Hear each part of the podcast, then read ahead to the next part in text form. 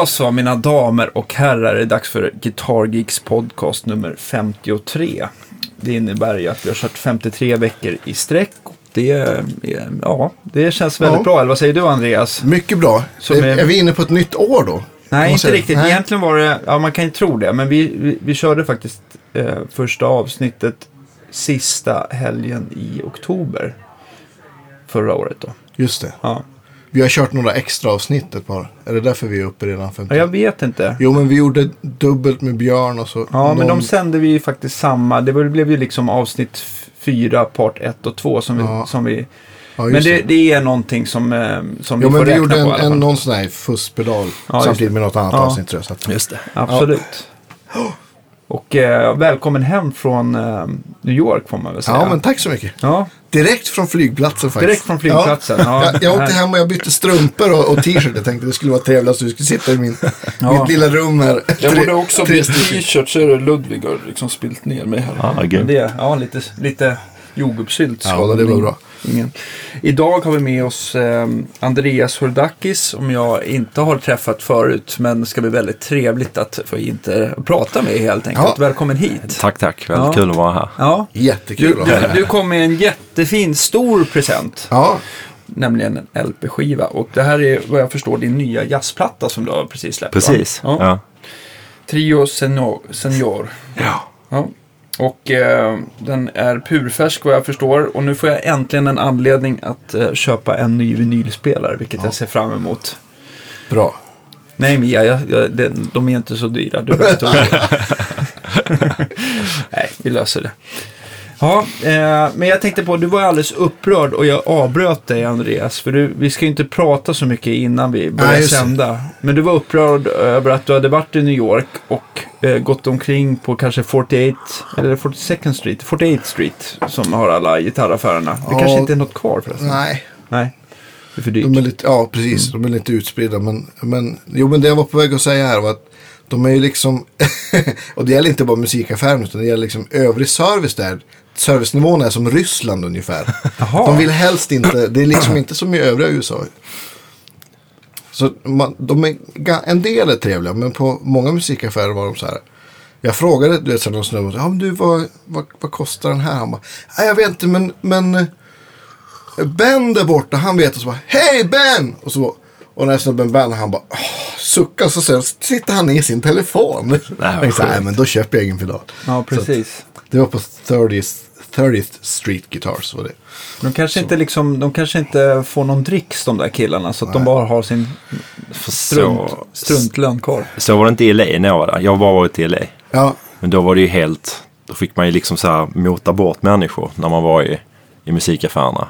ja visst. Då, om man provar en gitarr så kommer de in och typ sitter man i ett litet rum med dem och provar liksom. Skit, skitkonstig stämning liksom. Ja. Så how's that man? Så bara, yeah, it's, it's, it's, it's okay typ. Ja. Yeah, yeah, yeah. Men jag har den er- erfarenheten också. Eh, jag skulle köpa någon eh, gitarr tänkte jag i Las Vegas. Men, eh, men då var de också väldigt så här tillmötesgående. Men det Ja. som jag slog mig av, eller det som jag slogs av i alla musikaffärer i USA är ext- hur extremt dåligt justerade gitarrerna är. Ja. Det är någonting som har slagit er också. Att det liksom så här är karta och kompass. Och strängarna de har liksom fått genomgå en, en hord av McDonalds-ätande ungdomar som har flottat ner dem. Faktum är att i Nashville så alla affärer jag varit på där har allt varit i jättebra skick. Ja. Men det är ju sån jävla gitarrstad så jag tror Ja, att de liksom... shit, kan tänka mig. Och, och där är de också så trevliga så att man... Vi var... För två år sedan så var jag min tjej där och, och och jag höll på... Nej, det var inte... Det var kanske fem år sedan första gången vi var där. Och jag höll på att testa lite grejer. De var så fruktansvärt trevliga så vi sa att alltså om inte du köper någonting så blir det här pinsamt. Ja men det- eller hur? Ja. det var nästan så alltså. Ja, det är den taktiken jag ska Ja. anamma. Ja, Ja, det det, tycker jag. Precis. Du smörar så mycket för folk så att de... Ja. bara, "Äh, jag måste nog köpa. Kom och här." köp. Ja, ja vi får se. Ja. Nej, Jag tror att det viktigaste är att man är sig själv någonstans. Och Ja, förhoppningsvis absolut. har man en, en bra... En bra... Ja, men för att avsluta. New. York så, så, så jag har ju sett så mycket Seinfeld så jag var liksom över, jag var liksom helt inställd på att, att, att folk skulle vara så. Så jag hade liksom förväntat mig det någonstans. Men, men de var liksom mer så än vad jag hade trott. Hår- Hårdare vibb liksom. Ja, visst, men de så här nonchalanta, de bara så här. Måste jag sälja en kaffe till dig? var liksom så här, blicken man fick, det var en beställning cappuccino. Alla, hade lite, alla var lite en dålig dag för George då helt enkelt. Ja, exakt. Lite soup. Eller, eller vad heter han? Newman. Han kanske nu, också... ja, ja, visst. Ja. Men han, eh, vad tänkte jag på, jag menar, eh, angående Seinfeld och dig, det var ju ganska lätt uträknat då du har en Jack Russell som heter Frasier. Alltså att du gillar Ja. Seinfeld, ja. Det, Ja. det, det, kling, det var lätt att räkna ut. Absolut. Ja, absolut. Ja, Nu har vi spårat totalt ja. här. ja, sorry. Men det blev ingen pedal i alla fall. Nej, det blev Du- ingen du- pedal. du- Då, då, då kände jag bara, nej det får vara. Så, nej men det är bättre att, då kan man stödja de som är här faktiskt. Det är, prisskillnaderna är liksom inte så stora heller. Nej. Det är liksom typ momsen som skiljer. Ja, Ja. det är så. Och den är inte så hög, det är 7-8 procent. Nej men jag tänker om du tar amerikanska Aha, priset och sorry, lägger på sorry. svensk moms. Så Ja. har du liksom vad, vad de kostar här. Ja. Så att, Nu, ja, Ja, nu, nu- eh, nog med nonsens och eh, in till det viktiga. Andreas, eh, jag har aldrig träffat dig eller hört dig spela. Jag såg dig spela lite här innan när du klämde upp på telen och förstod att det här är en jättebra gitarrist. Ah. Så att, ja. ja verkligen, absolut. Men ni känner varandra sedan tidigare? Ja men lite grann sådär. Vi har stött på. Ja men vi har sett på varandra och har ganska mycket gemensamma kompisar. Andreas Absolut. spelar med, med Tobbe Gabrielsson som sitter ett rum bort här. Ah, okej. Mm. I Magnus Örströms band. Ja, Mm, det har jag bara sett ett par gånger. Är det också inom jazzsvängen då? ja eller? absolut. Och sen så har jag, jag har, tror jag repat här med Jeanette Lindström. Tror jag vi var här och repade. Då också Tobbe var med. Ja just det. Så då har jag varit, därför har jag varit här. Ja, Men jag, vad jag har förstått, det är, det är inte bara jazz som gäller för dig, utan det är liksom Nej, Det är nästan eh, totalt eh, motsatta också, ända bort till eh, hårdrocklandet. ja precis. hur? Jo. För du har ett, Alltså, du har ett metalband, eller Ja, hur? jag har, har ett eh, relativt nystartat eh, någon slags hardcore metalband. Ah, Som heter Bitchhawk. Men jag kommer ju därifrån, liksom. Ja, okej. som, som många andra gitarrister. Men annars är det mest eh, eh, jazz som gäller, kan Mm. man säga. Förutom det. men hur, hur kom det sig att du liksom tog fram, eller började plinka från första början? Ehm, har alltid varit, alltså ända sedan jag var väldigt, väldigt, väldigt liten var det musik som gällde. Mm. Eh, och sen, jag vet inte, det, från början började jag spela trummor. Mm. Och fick ett trumset när jag var åtta bast fick jag ett trumset. Och bankade obönhörligt på de där trummorna. Mm. Eh, fantastiskt eh, tålamod mina föräldrar hade faktiskt. Och sen, eh, och sen på något sätt, så, min, min bror spelade lite gitarr. Mm. Och så fick jag prova och så lärde han mig, jag tror att han lärde mig Patience med Guns N' Roses. Mm. Och sen var det bara, Ni måste ha haft en bra relation. Jag kan tänka mig att det inte alla sy syskon som är så här väldigt måna om att dela med sig av sin ja, men vi, kunskap. absolut, Ja. ja. vi, vi, vi, vi, vi har en bra relation. Ja, bra. Ja. Men sen blev det, jag vet inte hur han, eller han, han var ändå eller väldigt förstående. Liksom det, det tog inte lång tid för mig att gå om min bror på, Nej. på, eh, på gitarren. Så det måste ha varit lite jobbigt, men han tog det ändå rätt bra. Det låter ju som, som Eddie och Alex Van Halen. De började också Var det så? på tvärtom. Ja, okej. Ja. Ja. Men på den, på den vägen var det. Och sen var jag liksom helt... Då var det Guns N' Roses och Slash var liksom Gud Ja. i mitt liv. Och, eh, och jag fick... ehm, Jag fick en, eh, en, en Sigma Les Paul-kopia. Ja. För en Les Paul det Ja, det var liksom Les Paul som gällde. ja, såklart. Och nej, jag bara älskade det. Liksom. Sigma, det går väl lite under Martin där fast det är Asien. Eh, Ja. Bara det här är Ja- Japan, Ja. så här 70-tals. Ja, ja, exakt. Mm. Så här Cherry Sunburst. eh, Ja. Ja. Förmodligen, förmodligen ganska bra. Det Ja. fattar man ju inte då. Men, eh, men de, var, de var billiga. Liksom. Var det första gitarren? Sådär? Nej, första gitarren, och jag tänkte lite på det innan jag kom, innan jag kom hit. Första gitarren var faktiskt en, eh, en eh, jag, jag ville ha en elgitarr. Och så såg jag en sån här, kommer ni ihåg de här små elgitarrerna som heter Chiquita som Ernie Ball hade? Just det. Ja. Ja. Och jag såg en sån på, i en musikaffär. Och det här var liksom i samma, när jag började spela. Och så såg jag så, wow, det där är ju en liten gitarr. Och jag är en liten person, det borde jag, som borde jag ha. Så fick jag en sån. Jag var ganska bortskämd. Men sen så kom ju liksom, eh, kom ju Slash in i bilden. Sen så var det bara, så tjatade jag sönder stället. Fick jag en Sigma. Ja. Då måste man läsa på. Ja. ja. ja. Hur länge höll sig Slash eh, på, som herren på täppan där? Alltså han, eh, skulle nog säga att han fortfarande är det. Ja, Någonstans. ja. Han finns där. Var kollade? De, var inte de i Sverige Ja, nej, jag kunde inte. Jag Nej. spelade. Nej. Jag fick en fribiljett till och med av min granne. Men jag kunde inte gå. Och det var så Ja, så- djävulskt bittert faktiskt. De spelade fredag och lördag här i helgen som Ja. i New York också. Men det var Ja, de gjorde det, fet ja. slutsålt. Ja, det var det. Ja. Är det någon som har hört hur bra det ska vara? Eller är det bara nostalgi att gå och kolla på dem? All, alla som har sett det säger att det var Ja. väldigt bra. Ja. Men ja, ja. Vem spelar istället för Easy Stradlin undrar jag då. Det är någon... Jag kommer inte ihåg hans namn nu, men han är en sån djävulsk picker. Ja, Han är inte alls Izzy. Strandlin-typen. Han är sån, nästan så här fusion gitarrist liksom. Jaha. Ser ut som Nicky Six och spelar fusion typ. ja. Så han tar alla sådana här, eh, vad ska jag säga, som eh, st- stuntgitarr Ja. som, Ja, som, ja. som inte Slash hinner med längre. Förmodligen. Men det är så konst, konstigt val att de inte liksom tog någon... För Gilby Clark var ju lite samma stuk liksom. Ja, ja, som Isley. Liksom, så. Men eh, nej. jag- Ja, funkar säkert Vilka, bra. vilka är med förutom, eh, förutom Axel Rose och Slash som är original? Eller, Jag vet inte. Det enda, den Duff är med. ja. Eh, och Men sen, Sorum är väl med också? Nej, det är Nej. det han inte är. Inte han, han är väl för trasig va? Eller? Nej, Nej. jag tänker på eh, Eh, Steven Adler. Steven. Adler. Ja. Jaha, okej. Han är för trasig. Ja. Men Matt Sorum, det var väl lite så här schismer att han inte var med. Tror jag, har jag läst. Lite konstig grej. Ja. För, Easy Stradlin tackar väl nej, tror jag. Ja, också. tror jag. Ja. Han behöver väl Men aldrig. han som, heter, han som spelar keyboard, Dizzy, han är Dizzy. med Han har alltid varit med. Han Han, är den som har varit med i Guns N' Roses längst. Keyboardisten som ingen vet ens är med. Jaha, Ja, okej. Fantastiskt. Kanske. Han som spelar på November Rain och allt det där kanske. Nej, men Jag, jag kommer ihåg jag läste någon, någon sån, nu spårar vi igen här, men det, det var trevligt. Eh, någon Folk någon sån. Guns-bok. Och, och som jag förstod det så äger ju Axl Roses namnet. Och han ly- lyckades liksom få till det ganska, ganska snabbt. Förmodligen för att de andra var liksom fyllon och knarkare och så, eller jag vet inte fan. Nej, jag, jag, vet inte. Det var... Eh, har ni läst Slash-boken? Nej, jag har den, men jag har faktiskt inte Ja, läst den är ganska rolig.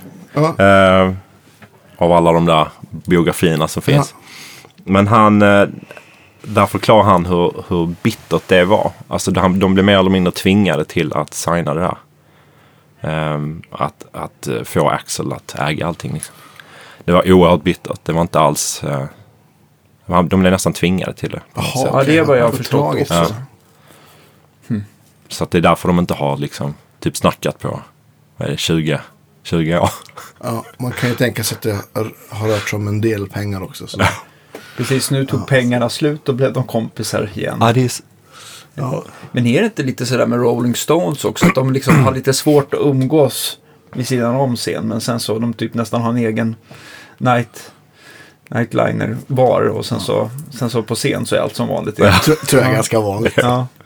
Om man har spelat upp som någon i 123 år ungefär så. Ja, och ha möjligheten att bara säga okej, nu tar vi varsitt privatjet och bara Ja. vi ses på nästa grej. Ja. Nej, men tillbaka, till, tillbaka till dig. Kommer du, kommer du ihåg plankar du slash och sådär? Lärde dig något sol eller något sådär?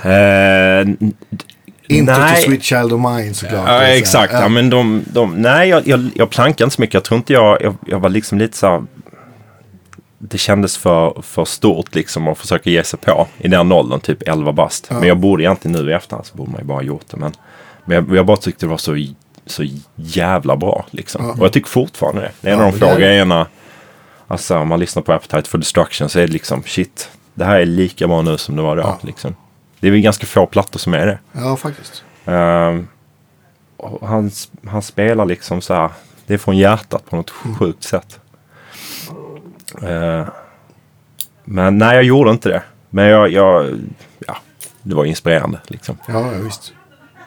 Vill man se ut som honom också. Jag hade köpt så här hög hatt och grejer. Perfekt.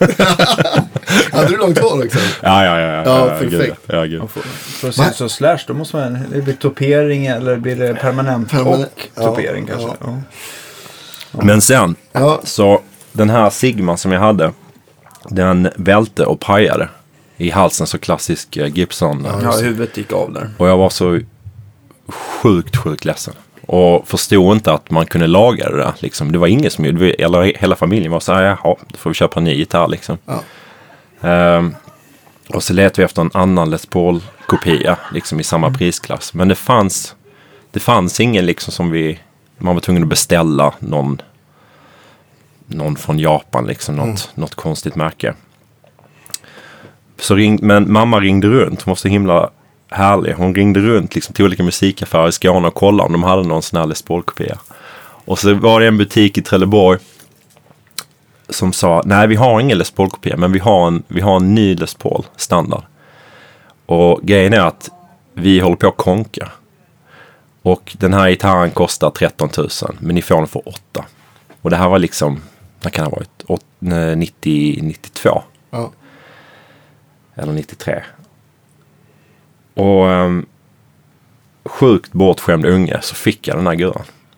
Asgrymt. Helt sjukt. En, Och den, en applåd för dina Ja, föräldrar, det var helt, helt, och det var liksom, den gitarren har jag fortfarande. Ja, och är liksom, vi har spenderat många timmar tillsammans. Ja. Men det var liksom en sån, jag kommer ihåg den dagen när jag hämtade den där Gibson-gitarren. Det var helt så här, o, Ja, det det var helt overkligt liksom. Kommer du ihåg lukten? Kommer ihåg lukten, kommer Ja, ihåg liksom så här, jag satt med liksom hardcasen i knät i baksätet hem från Trelleborg till Malmö då. Liksom var helt, Underbart. helt i Men extas det, är, liksom. ja, men det är svårt att bli så där extas Ja. i vuxen ålder. Ja. Som, Ja, det var helt, det var så här, milstolpe. coolt. Ja. Gick du musikgymnasium eller vad? Ja, gick i musikgymnasiet. Ja. ja. I- Tog du, innan det var det så här kommunala och... Nej, Spelade jag gick, jag gick inte kommunal faktiskt. Jag tog privatlektioner av en, ehm, av en kille som heter Ulf Turesson. Okej. Eh, som var, var väldigt bra lärare. Men han hade jag när- jag var ungefär 12. 12 års åldern, 13 års åldern. Eh, och sen hade vi ganska bra musikundervisning i, på högstadiet. Eh, I Malmö, i Limhamn där jag växte upp. Mm. Eh, och sen så gick jag estetiskt i Malmö också. Ja. Och där började liksom hela... Eller innan jag kan berätta i högstadiet så höll jag mycket på mycket med hardcore-musik och, och Ja. då, då tog det fart liksom. Vilka var de stora influenserna då? då? Ja men det var mycket Refused och det var hela, hela Ve- Vego, Umeå, Vego-svängen liksom. Abinanda och... Ja, ja, ja, allt det där. Ja. Och, och var med i ett band som hette Neverending. Och vi fick skivkontrakt i Tyskland. Då var jag 15 bast. Och släppte Cool. skiva i Europa. Det var en ganska, ganska cool grej. Ja. Eh, men sen så började gymnasiet och, ehm, och så kom jag mer in på jazz kan man säga. Då började hela jazzintresset. Ja. Och jag, fick, jag hade några lärare som var ja, men jazzmusiker i, i Malmö och Ja. var väldigt inspirerande. Han är en väldigt, väldigt bra gitarrlärare som heter Thomas Hallberg. Som fortfarande är lärare på estetiskt i Malmö. Som är helt, helt grym. Ja, kul. Det är ju det är så viktigt där att hitta någon som... Alltså bra lärare, även om det inte kanske är på ens eget instrument. Men som så här, inspirerar Ja, ja, och ja, så här, ja. hjälper en vidare och liksom... Ja, det är ju inte alltid den bästa gitarristen är den bästa läraren har man ju Nej, men visst. Och, fått erfara också. och det, det kan verkligen... Nej, så är det ju. Men, men, det det. här, men det här kanske var bägge och i. Han var väldigt, väldigt, han är en väldigt bra gitarrist. Och han har liksom sånt vansinnigt stort kunskapsområde för att sitta på, för att vara lärare på en gymnasieskola. Men det kanske man också behöver vara. Ja. Liksom. Hade han något förflutet som liksom yrkesmusiker innan? Eh, jag kommer inte ihåg, men det tror jag. Det borde han ha. Eller det borde ha. Jag tänkte det kanske det är det här um, musikerlivet kanske inte passar alla heller. Så Nej, man nej så är det ju. Nej, så är det ju. visst. Lite speciellt. Men då började du... Var det lite så här band och grejer då på gymnasiet? Så, och så började du lira liksom jazz mer. Ja, ja. Jag hade, hade liksom Spelade inte... du rock samtidigt också? Alltså eller? då, då spel, alltså då hade jag inget, det här, det här hardcore-bandet jag var med i, det tog liksom ett, fick sitt slut när, när de var lite äldre än jag, de som var med i bandet, och de skulle ut i Europaturné och det fick inte jag för min mamma. Nej. så, att, så att det var liksom så här, det passade ganska bra rent tidsmässigt för att jag höll på att liksom bli verkligen jazzintresserad och liksom på något sätt kändes, det kanske var ett avslutat kapitel ändå. Liksom. Men det var lite så här, jaha, typ, fick man inte göra det. Men, men då, då spelade, under gymnasiet så spelade jag inte i något band utan då bara, då i princip så övade jag. Liksom. Och eh, försökte bli bra på det där.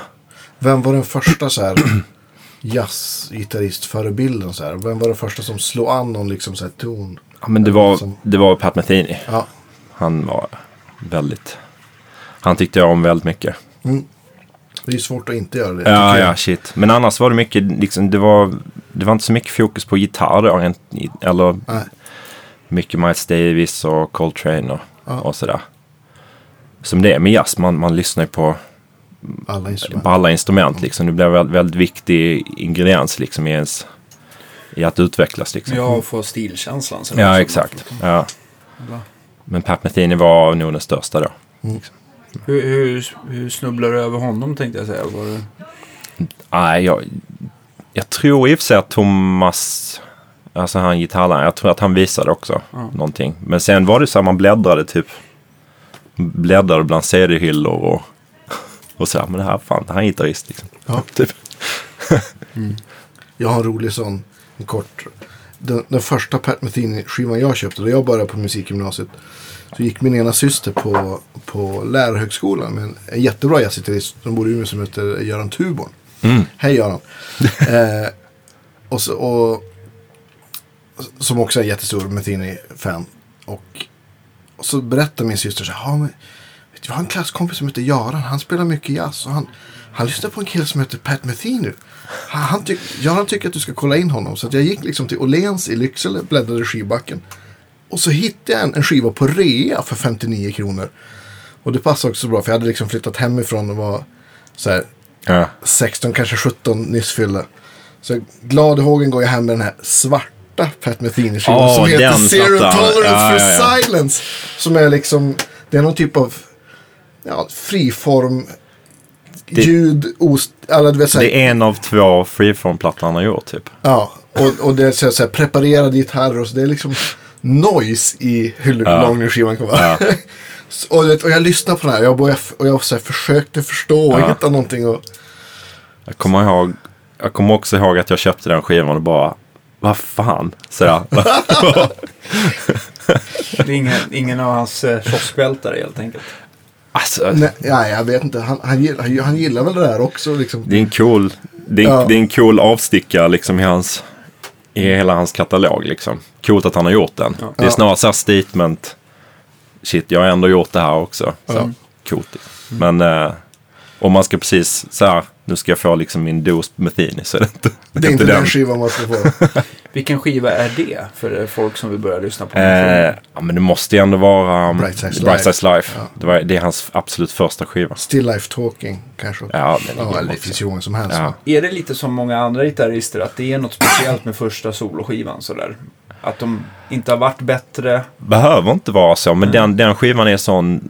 Alltså, man, alltså han, han var ju typ 20-21 bast när han gjorde den. Det är helt bisarrt. Och, Jacko Och Jacko, 23. ja, och Jacko Pastorius är med också. Ja. Så att det är sånt, det är sånt satans band liksom. Och det är sådana låtar. Det är, man, man har liksom inte hört... Jag kan tänka mig att man inte hade hört sån musik tidigare liksom när den kom. Nej, men jag kan tänka mig att det var lite grann som Van Halens första platta. att Det var liksom Ja. ett, ett nytt sound. Och, Ja, och han hade redan då spelat med lite, lite ja, men, delay och reverb och grejer. Och det var väl Ja. inte, kanske inte jättevanligt. Ja, det var mer torr, torrare sound för... Ja. ja. Och inte, han, hade han inte det här liksom... Det här runda jazzgitarrljudet kanske som var mer förknippat med, med jazz innan honom liksom också. Han hade lite mer... Lite mer George Benson eller vem kan man tänka sig har den lite rundare? Ja, exakt. Ja. Nu, Utan han hade mer ett modernt sound, lite mer diskantrikt kan man säga. Lite korosaktigt också. Ja, det var grym skiva. Mm. Den, ska, den borde alla lyssna på faktiskt. Måste vi lägga ut och göra, summera en fin spellista. Ja, folk absolut. blir- Det ska vi... Folk, folk har ju liksom frågat så här, men kan ni inte spela kan inte spela låtar i programmet sådär direkt? Utan det, ja, det har jag av eh, rättsliga skäl att vi inte Ja, kan göra det helt enkelt. Är det så? Det är, ytterst... Eh, det är ingen som riktigt vet. Jag har en kompis som jobbar på Steam. Ja. Och så jag frågade honom och han pekade mig i rätt riktning och jag fick prata med en snubbe, jag ska inte säga hans namn. som egentligen inte kunde ge något svar. Nej. Men till slut så sa han så här, ja men då skulle vi få betala någon så här schablon. Jag vet inte om det, om det skulle vara mot, motsvarande något, vad heter det, för någon radio eller, eller för, för att ha musik på ett ställe eller någonting. Men det var, det var alltså, kommer inte ihåg om det var så här 5600 plus moms i månaden eller något sånt där. Så det var så här, så då kände vi att inte då är det riktigt bättre, värt det. Nej, då är det Nej, alltså, bättre att vi- göra sp- spellistor liksom. Vi kör ju det här, alltså podcasten är ju ideell än så länge Ja, för ja, oss. visst. Eh, Så att, eh, Men ni, ni, Ja. får spela, ni får spela grejer som, som eh, liksom, nej men om du alltså, sitter om en här artist och spelar. liksom. Ja. Ja, ja. Är Vi har ju haft några grejer som, ja men, både Ola Gustafsson och, och Göran Eriksson som har haft grejer som de har spelat in, som inte ens är utgivna. Och som de, då, då kan man ju liksom, Nej, då är det inga problem Nej. anser vi. Men, nej. Anser vi, men det får vi se. Vi får se, precis. Fakturan kommer. Men, nej, men faktum är att det är en ganska intressant, intressant, för det finns ju podcasts runt hela världen och de flesta har ju med låtar och grejer och så. Och det är ju, ja, det är ju lite så här svart hål. Ni, har- ni har clearat att det är en introlåt? Nej. Nej. Jo. Jo. Nej, men Det är ingen som vet vad det är. Ja, men jag har för mig också att det har, det, har, det har väl lite med eh, vilken tid också. Är det så här korta små klipp så är det ju ingen fara. Utan det är mer om det, man spelar hela låtarna. Ja. Ja. Ja, men, Så är Jag det. inte skulle säga det. Nej, men, nej, nej, men det, alltså, det känns ytterst godtyckligt. Och jag, utan att säga några andra podcasts som också håller på med musik så spelar ju alla mer eller mindre musik. ja. Så att, Ja. jag, tror att, jag, jag tror inte att... Men det är en snårig värld det där. Ja. Men då vi, då vi pratar om Pat Metheny så måste du berätta. Tobbe berättade ni spelar på någon festival med, med, med Magnus band. Ja. Eh, ja, du får, du får berätta den själv. Jo, vi spelade, det här var 2011 var det. Då skulle vi ner och spela med Magnus Öströms band, som jag spelar med. I, på en, en festival i Tyskland som heter Jazz Baltica.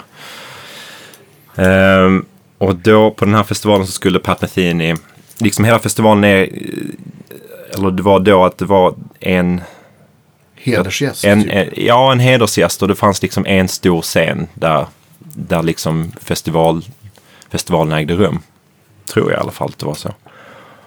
Och sen så liksom delade de olika artisterna och akterna den här scenen liksom under kvällen. Och då var Pat Metheny en hedersgäst och då skulle han vara med i olika, många olika sammanhang.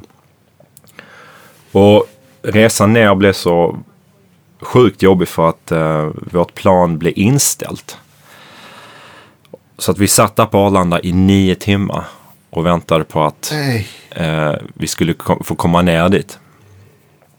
Och det blev ganska stressigt. Och, men vi lyckades komma ner typ en halvtimme innan utsatt tid. Så att när jag kommer dit, sjukt stressad, så står liksom, där jag skulle stå på scen stod liksom ett gäng ganska stressade personer som höll på att ta tag i eh, Pat, Metheny, Pat Methenys gear liksom. Ja. Och om jag inte minns helt fel så stod även Pat Metheny där. Men jag var liksom tvungen att, att komma dit. Alltså och liksom, Sätta upp ja, var liksom så här, fix, styra upp mina grejer för att vi skulle liksom spela så här, 20 minuter senare. Eh, och då blev det liksom en sån konstig situation där Pat Metheny stod där jag bara, så sorry guys, I, så här, jag måste Jag måste låta Ja, och, då, och det var ja, liksom, alltså han är ju så stor för mig, Pat. Det liksom Ja. var så overkligt att han stod där liksom. Och hälsade på honom så här. Han bara, ah, hi André, så här, "Hi." Okej, så ner liksom. Och fixa. Men sen, sen liksom tio minuter senare så satt vi liksom, så satt jag och, och värmde upp eh, precis vid scenen, liksom bredvid scenen. Och då satt Pat Metheny också och värmde upp. Och det var liksom sån så fullkomligt bisarr grej för mig. För att Ja, jag, jag, jag har ju läst, ja, ja, jag har ju läst liksom om hur han värmer upp. Jag har sett Ja. YouTube-videos. Så sitter han här, så här, sitter han mitt emot mig och så gör vi det typ nästan tillsammans. Så Ja. det kändes helt, han, han tog inte någon notis av det, men jag tog notis av det liksom. och sen tio minuter senare så står jag där och då är det tv-sänt också så att det var massa sådana stora tv-kameror. Och så Pat Metheny står, står liksom några meter bort och kollar så vid sidan av scenen sen. När man ska börja spela. Då, kände, då, var, då var jag faktiskt väldigt, då var det skakigt alltså. Ja, det förstår jag. Men sådana spelningar nervös, brukar liksom. kunna gå bra ändå. Ja, men de gick bra. Alltså efter, efter en låt så har man ju... Ja, skakat Eller- av sig det. Ja, men just då de där liksom första minuterna så var det väldigt så här... Uh, Första bollkontakten. Ja, Ja. men det var, Det känns sån, det var helt surrealistiskt. Ja, men det var så intensivt och just för att det var inställt flyg och liksom. Det var, var så en märklig dag liksom. Och just, Men- just den känslan att komma så här med andan i halsen precis och knappt veta om man ska hinna. Det är ju det är inte den bästa förutsättningen. Nej, precis. Så. Men sen var han var sjukt trevlig. Och, ehm, eh, och grejen är att vi, vi är med på samma skiva. För att på den Magnus, den första Magnus Öström-skivan, där är Pat Metheny med på ett spår. Just det. Ehm, så att det fanns liksom någon, något, vi hade något gemensamt liksom kan man säga. Och ehm, För han hade spelat med, med Esbjörns trio. precis, han har med spelat, ESD, liksom. ja och det här, den här låten var en, eh, en, en, ja, en, En hyllning. en hyllning till Esbjörn som Magnus skrev liksom. Och då, då var Pat Metheny med då och gjorde den. Um, nej, det var bara sån grym, det blev en grym dag. Sen efteråt så kom Pat och, och sa så här, well, great playing man. Och jag bara, yeah, I love your playing too. Liksom. ja, det var mäktigt. Sjukt mäktigt. Ascoolt. Hur många plattor har det blivit med, med Magnus band? Tre plattor Mm. har vi gjort. Uh, senaste kom förra året tror jag. Ja. Hur skiljer de sig stilmässigt mot den här skivan du är Ja. Gett till oss nu? Eh, ganska mycket. Min skiva är mer... ah, Man kan inte säga att det är traditionell jazz, men det är liksom mer, det drar mer åt det hållet liksom. I, i, i, i något slags uttryck. Magnus skiva är ganska, välj mina ord rätt, bombastiska. Liksom. Det är ganska... eh, Inte, Arrat. Ja, arrat och ganska liksom Storslaget. Eh, Storslaget, det är bra. Och, och, eh, och, och liksom rock, rockigt och kanske harmoniken också liksom någon slags mer av någon slags poppig karaktär. Eh, och sen så är det väldigt mycket udda taktarter också. Vilket har, är sjukt. Det har varit, ja, det har varit extremt kul att spela med Magnus. Det har Ja. liksom varit full cirkus och lekstuga liksom. På alla gig. Och det hade varit så vansinnigt kul. Och liksom kul att bara liksom komma i- liksom i de, i de jazzsammanhang och bara så här, pff, bara blåsa på Det liksom. är inte så mycket four on the floor helt enkelt. Inte så mycket four on the floor. Nej, Nej. nej. då skulle då trillar man. Man trillar över om man skulle dansa. Sånt. Ja, det måste vara, det måste vara både, både jättekul och utvecklande liksom. Och, Ja, ja, ja. Gud ja. Det har det varit. Som, som fan liksom. Har du haft lätt för udda taktarter sådär? Efter jag tänkte med hardcore, fast det kanske inte så mycket just i hardcore-svängen att det är udda. Nej, och, nej, men man... Nej, fast man har, man har gjort några så här, kapat takter och sånt utan att tänka på det kanske. Ja, men inte, inte lätt, men inte sådär jättesvårt heller. Liksom. Det har, eller jag har varit väldigt intresserad av det. Bara. Jag har liksom tyckt att det var kul med udda taktarter och då blir det liksom det kanske lite lättare. Är låtarna att de växlar mycket i, i, alltså i låten, att de byter taktart? Eller är Det kan det vara, ja. Eller brukar han ha någon favorittaktart? Att, eh, så här. Nej men, visst, nej men absolut, det kan växla liksom. Det kan växla mellan, eh, ja, vad det nu, vad nu allt han håller på med. Det är någon låt vi liksom i bandet inte har kommit överens om hur vi ska räkna. Det är en sån ganska rolig Okej. grej. Så fort någon börjar räkna så bara, ah, lägg ner. Liksom, vi, vi, vi, vi kör var, var och en för sig. det är någon låt, han har en låt på sin andra skiva, Dancing at the Dutch Street. Den har vi liksom aldrig lyckats reda ut hur vi, hur vi tänker. Men ni spelar det? Vi spelar den. Ja, vi spelar den. Ja. Och till och med haft någon vick också. Det har varit så här intressant att försöka liksom kom, förklara för den. Liksom. Kör din pryl. Kör en grej liksom. Vad skulle du säga att det går för takter? Ingen aning. Nej, Jag, jag, jag går bara på feeling. På Ja. den, just den låten jag Ja. går liksom Du inte har aldrig provat att räkna heller? Nej, då skulle jag... Nej. Då, det, nej, det skulle inte Du kanske kan få den på själva spellistan här sen. Ja, absolut. Ja, som vi ja, lägger ut. Jag vet inte om vi, om vi Kan folk det. få komma med förslag sen? ja, ja. Ja. Coolt. Men Jag då- tänk- ja, kör eh, du. Jag tänkte att vi skulle ändå, vi är ju jättebra på att spåra ur, så jag tänkte Mm. säga att vi spårar in igen där. Bra Danny. Eh, och vart ska vi spåra in någonstans? Men jag tänkte så här rent, eh, eh, vi var väl, hade väl ändå avverkat eh, Malmö och eh, gymnasietiden där. Att du började Mm. intressera dig mer för jazz. Mm. Vilket var den första Metheny var det, där Ja, spårade vi ur. Men vilken var egentligen första jazzbandet eh, du satte ihop då? Sen e- efter gymnasiet så kom jag in på, ehm, eller kom in, jag började, jag började ehm, plugga på Fridens folkhögskola. ehm, På musiklinjen där. Och eh, träffade, det var liksom då, ja, det var väldigt skönt att träffa andra som höll på med samma grej liksom. Även om estetiska i Malmö var, hade också andra som höll på med jazz. Det blev liksom aldrig jag vet inte varför, men det sattes aldrig ihop någonting riktigt på det. Men på Fridhem så gjorde det och då träffade jag um, Ola Hultgren, vet du vem det är? En trummis. Absolut. Vi gick samtidigt och, och några andra. Då satte vi ihop. Ola är, med på den senaste skivan. Vi spelar mycket fortfarande tillsammans. Då startade vi ett band som heter Nyfors. Och det var liksom, då höll vi på mycket med fri improvisation. Och det var liksom det man gillade där på Fridhem. Väldigt mycket fri impo och sånt. Vad var det för sättning då? Var det... Det var det um, trummor, bas, gitarr, trumpet och saxofon. Och, men det var liksom det första band, jazzbandet kan man säga. Som jag var med i. Gick du där i två år då? Eller? Två år ja. Ja. Sen var det ett band till som jag höll på med som hette Campus. Som var liksom någon slags rock, rockjazzband också. Vad- Hade du kvar Les Paulen att spela på? Eller Ja, hade du köpt någon burk? Nej, jo jag hade, jag hade fått en burk i studentpresent. En jättefin uh, Gibson uh, ES175. Ja, du är ganska bortskämd då. Mm, jag är bortskämd. Det är, Jag skojar.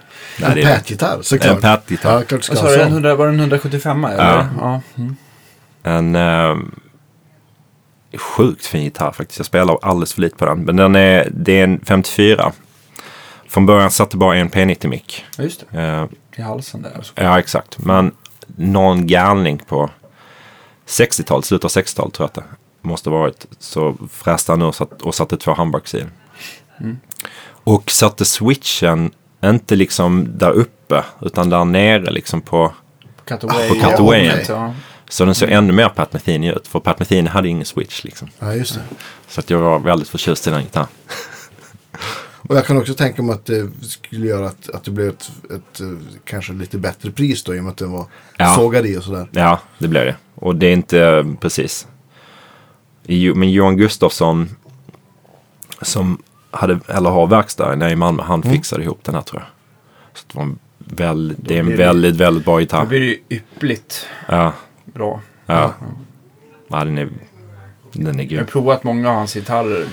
Micke Nord har ju eh, några stycken och sånt där. Det är ju verkligen flawless. Ja, Det är sjukt bra. Det är Han har fixat några av mina gitarrer. Liksom. Han, han, eh, han eh, vad heter det, det ska jag faktiskt komma till kritan med. Att eh, jag kritiserade att flammig hals var en sjukdom förut på trä. Utan det är egentligen eh, enligt eh, Johan då är mer en kompressionsgrej av själva trädet egentligen. Att blir den här flammigheten då, då. Och man får inte fram flammighet och eh, quiltad lön beroende på hur man sågar utan det är lite olika sorter. Och sen så det största som jag inte visste var att eh, det var ju några tidiga Fender-gitarrer som jag tyckte hade flammig hals som jag liksom nästan ratade på grund av att de var så himla instabila och eh, mjuka. Och det är, om jag minns rätt, den här Red Maple som de använde då som var eh, inte, den- inte den här Hard Rock Maple som man ska Ah, att de, de är inte så bra liksom. Eller? Nej, men alltså det beror på vilken löntyp det är. Den här Red, Red Maple. Eh, Johan får gärna mejla till mig igen, för jag försökte leta efter det där mejlet. Men, men ehm, det de använde en löntyp som inte var så bra helt enkelt. Ja, okej. Så huruvida det är flammigt eller inte har ingenting med hårdhet att göra, eller? Eh, jag ska låta det vara osagt eh, faktiskt. Men, men det ska vara mindre problem om man använder riktig så här eh, eh, eh, hard rock maple. Ja. Jag antar att den här europeiska lönnen som man använder i Stradivarius fioler som oftast brukar vara väldigt flammig och sådär också är, eh, funkar väldigt bra. För att det är många gitarrer som har, eller det är många gitarrmärken som har flammig hals och, eller Ja. lönnhals. Men det är skönt att få lite, bli lite eh, tillrättavisad och Ja. eh, sådär. Få så en liten Mm. Vi måste hälsa på Johan, det har vi Ja, sagt. han är ju fantastisk. vi. Han är väldigt, väldigt bra. Han, han, han lagade på den Les Paulen så gjorde han en, en väldigt fin lagning i halsen för den knäcktes så småningom. Lagade du någonsin den, alltså Sigma-gitarr? Ja, den blev lagad till slut. Ja. Och den såldes. Ja. Men det, då hade, det var redan Les Paulen köpt. ja. Men det gick. Det gick. Men eh, det var en ganska komplicerad skada på den Les Paulen för att den, den hade liksom spruckit i flera, i, om jag förstod det rätt så sprack den i flera liksom lager. Så att när, när eh, första personen som lagade den skulle limma ihop den så bara sprack den upp igen. Liksom. Så att Johan var tvungen att hyvla ner en bit av huvudet och halsen och lägga in en ny bit. Och hyvla ner. Sjukt fint gjort alltså. Förmodligen starkare än, Ja, ja, än ja. var ja, ja. Absolut, men det har jag ju sett många gånger när, när eh, ett huvud har gått av igen till exempel. Att det har liksom verkligen gått av vid sidan av också limfogen. Att limmet Ja, ja. oftast är starkare än trät. ja. Ja, Det- Sen det är ju beror väl så det också det på givetvis vilket typ av lim man använder och sånt där. Mm. Men eh, ja. Vi får återkomma med någon Ja. limexpert och prata vidare om Ja, det. exakt. L- lyssnar ju på det här. eh, Det finns en podcast som heter, uh, fan heter den? Han, det är någon, någon gitarr eh, eh, reparatör som heter Eric Daw. Nej, jag har missat. Fret, Fret Files tror jag den heter. Oh, Mm. En till. Vad kul. Jag trodde vi var den enda gitarrpodcasten. Här är ju... Jag, jag Ja, blir men det är ganska roligt för att den handlar uteslutande om, se om jag har den här. Om eh, liksom, ja, ja The Fret Files heter den. Mm. Om, eh, om gitarrskador och så, får man, och så får de frågor om hur man lagar liksom. Det är ganska roligt. nördigt. Och han är grym liksom. Han, han eh, så här, förklarar hur han lindar pickups. och Så här. Sjukt jävla nördigt. Men det är väldigt Perfekt. trevligt. Ja. Nu blir jag jätteglad. Ja, men det är perfekt. Ju nördigare desto bättre. Det finns ju, det, måste tipsa om, om inte folk lyssnar på No Guitar is Safe är ju väldigt bra också. Nej, Jude. Gold, han har skrivit åt Guitar Player i jättelänge. Nu spelar han i Jefferson Starship, så här, klassiskt rockband. Och så sen gör han den här podden. Eh, men men det, det, är, det, är, det verkligen också allt från alla möjliga stilar och allting. Och det är roligt att de lirar alltid också. Ja. lammar alltid med sina gäster. Sen finns det en annan som heter The Riff Raff. med en gitarrist som heter Shane Terrio. Som är så här, en New Orleans snubbe. Som, som också är väldigt bra. Eh, ja, det var är, det mina... någon, är det någon av de podcasterna också som, som de eh, utvärderar nya produkter och sånt där? Nej, ingenting. Det, det är mer bara liksom personporträtt och att de spelar lite. Ja, Sådär. vi försöker få våra gäster att spela. eh, Men... Nej, jag skojar. Jag har faktiskt aldrig gjort. Ja. Nej. Det var faktiskt någon som, gäst i början som frågade sig. Måste jag spela också? Så här, Nej, vi ska bara prata. Men, men eh, ibland har det varit exempel. Har inte Jo, absolut. Absolut. Jo, Ola det varit- Gustafsson spelat lite? Ja. Ja, Ernebro. Ja, men precis. Ja. Emil spelat och vi har gjort lite så här dist och fuss-grejer. och- Just det, det just kommer det. mer sånt. Det kommer ju mer. Ja, men vi har ju tänkt att vi ska utveckla det här till någon form av kanske köra lite eh, filmade podcast och sånt Ja, där men också. precis. Så stay tuned. Vi, Ja. vet, man vet, vi vet aldrig vad, hur det urartar i Ja. år två. Här. Nej, TV4 siktar vi på. Eller? Ja, eller hur? Ja. Nej, nu säger jag för mycket. Fan vad vi spårar idag. Ja, Ja, du, men du är Och- jetlaggad Ja. och jag har, jag har, jo men jag har druckit ganska mycket kaffe. Ja, Ja, bra. nej, det blir så ibland. Ja. Bort. ja, vi, pra- vi börjar med att eh, Johan Gustafsson hade eh, fixat till din 175 där, sen spårar vi. Ja, sen spår. Ja, men det, det var väl uh, folkhögskola. Ja, Nej, men, det, eh, det var den jazzburken du använde. Men använde du den mer än Les Paulen vid den tidpunkten? Nej, då hade jag även en tele som jag faktiskt använde ganska mycket. Som faktiskt Johan Gustafsson satte in en humbucker-mick i hals, i halsläget. Ja. Den spelade jag på ganska mycket. Också, så att det var Les Paul och tele och, och burk lite. Jag tänkte på den, eh, den 175 där som de hade bytt till humbuckers. Mm. Var det gamla paffar eller vet du vad de hade Nej, satt i? det är det jag... Åh, fan jag fick det förklarat för mig. Vad heter det som kommer liksom... Patent number mickar. ti- Kan det vara... Patent stickers. Ja, ah, jag kommer inte ihåg nu. Men de, ja, det var i alla fall sent 60-tal. Men då tror jag att de kanske har den här att det står att de har fått patentnumret under. Eh, men sen så har jag svårt att säga exakt. Jag har kunnat det där. Men om, för de började, först så hade de i paff den här lilla etiketten under. Ja. Sen så kom ju patent number mickarna Just det. där med, en, och med ungefär samma storlek på den. Och sen så börjar de ju stansa va. Eh, men sen när de börjar stansa och eh, jag vet inte om det är i slutet 60 eller tidigt 70 men det måste ju varit där någonstans. Vi återkommer i ärendet. Men, Ja. ja. De men de låter kan väldigt låta väldigt bra. bra också. Det låter väldigt bra. Ja. Eller hela den gitarren är, den är väldigt, väldigt bra. Mm. Oerhört fint bygge liksom. Mm. Det är väl Brazilian Rosewood också i den halsen. Eller på greppbrädan. Ja. När det är så tidigt. ja, så tidigt absolut. Ja. Det är ju inte, det är inte bra men det är, ett, det är ett bra träslag. Ja, visst. Det är bra så länge du inte ska åka till USA. Då kan det bli riktigt tråkigt. Ja. Ja, Ja. ja den stannar hemma. Ja. Nej men precis, men vi, eh, jag, jag tror att de, eh, vi ska återkomma med någon eh, som kan de här export och hur man kan föra in och hur sina instrument och sånt där. Jag har för bara att man har, om man har ett kvitto på inköpsdatumet som man kan visa upp när man ändå reser med sin Ja, okej. gamla gitarr så ska det väl ändå inte vara något problem Jag alls. tror att någon har sagt att man, att man kan fixa intyg också. Man kanske behöver kvitto då också. Mm. Jag vet inte vad det är. Ja.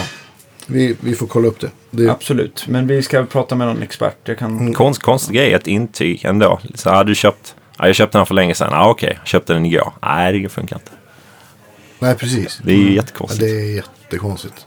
Jag tror att de som har satt de här reglerna, att det är lite luddigt. Det lite som vi pratade om STIM tidigare där. Att det, Ja. det känns som att det är lite beroende på vilken människa man träffar just då. Ja.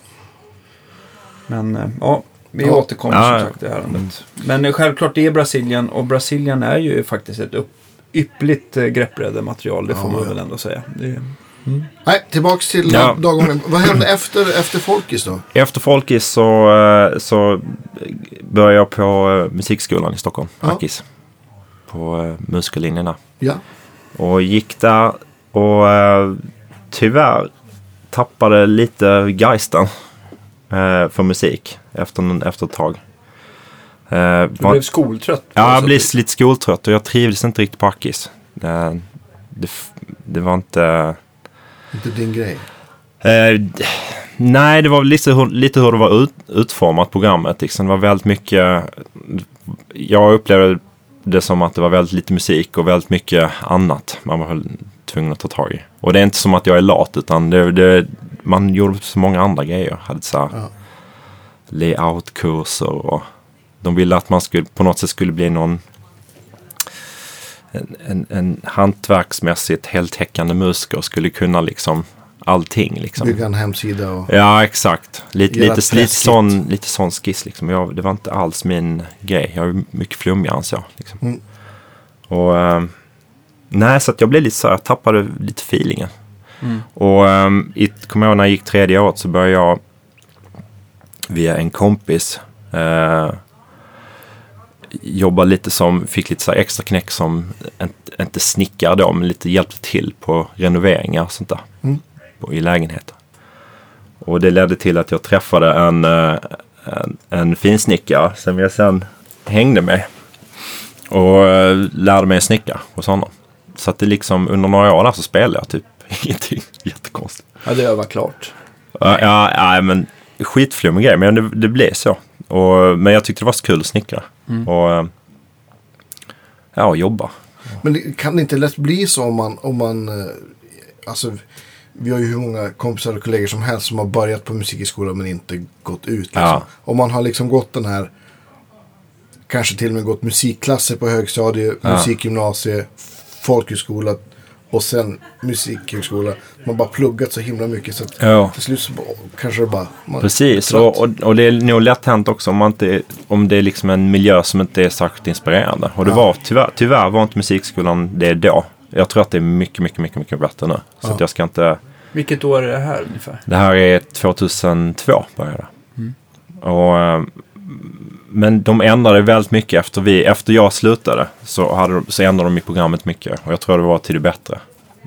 Vi, Om jag minns rätt så kritiserade vi ganska mycket då också. Jag var en ganska jobbig person på musikskolan tror jag. Det får väl de som har gått det sen tacka för. Ja, ja, men, Svarta ja. fåret. Ja. Men, eh, men jag tror att det är mycket, mycket bättre nu. Nu är det ju en ny skola också. Så hela liksom grejen är ju säkert... Det är en helt annan upplevelse. Ja, jag har inte varit och kollat på, de har ju fått helt nya lokaler. Jag har inte Det är helt Det ser ju grymt. Det är- fantastiskt ut på de Jag bilder man har sett. Alltså. Jag har varit där en gång. Det är helt beyond tycker jag. De bilder man har sett ser ut som ett konserthus. Liksom. Ja, man vill gå där igen Stora liksom. scener, liksom. Ja. Men, eh, nej men så att jag jag började snickra och um, spela lite. Jag hade startade ett, ett, någon slags popband med en, eh, en god vän som heter Olle. Mm. Och vi, eh, som heter Here's a Temple. Och vi, ja, vi spelade lite med det. Och sen så fick jag, efter några år så blev jag, eh, fick jag börja spela med Jeanette Lindström. Mm.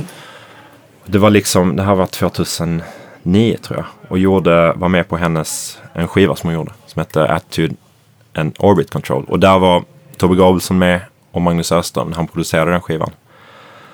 Eh, och det var liksom min ingång igen till musiken och, och, och, och jazz kan man säga. Framförallt jazz. Sen fattade jag liksom vad jag, då blev jag så himla peppad igen.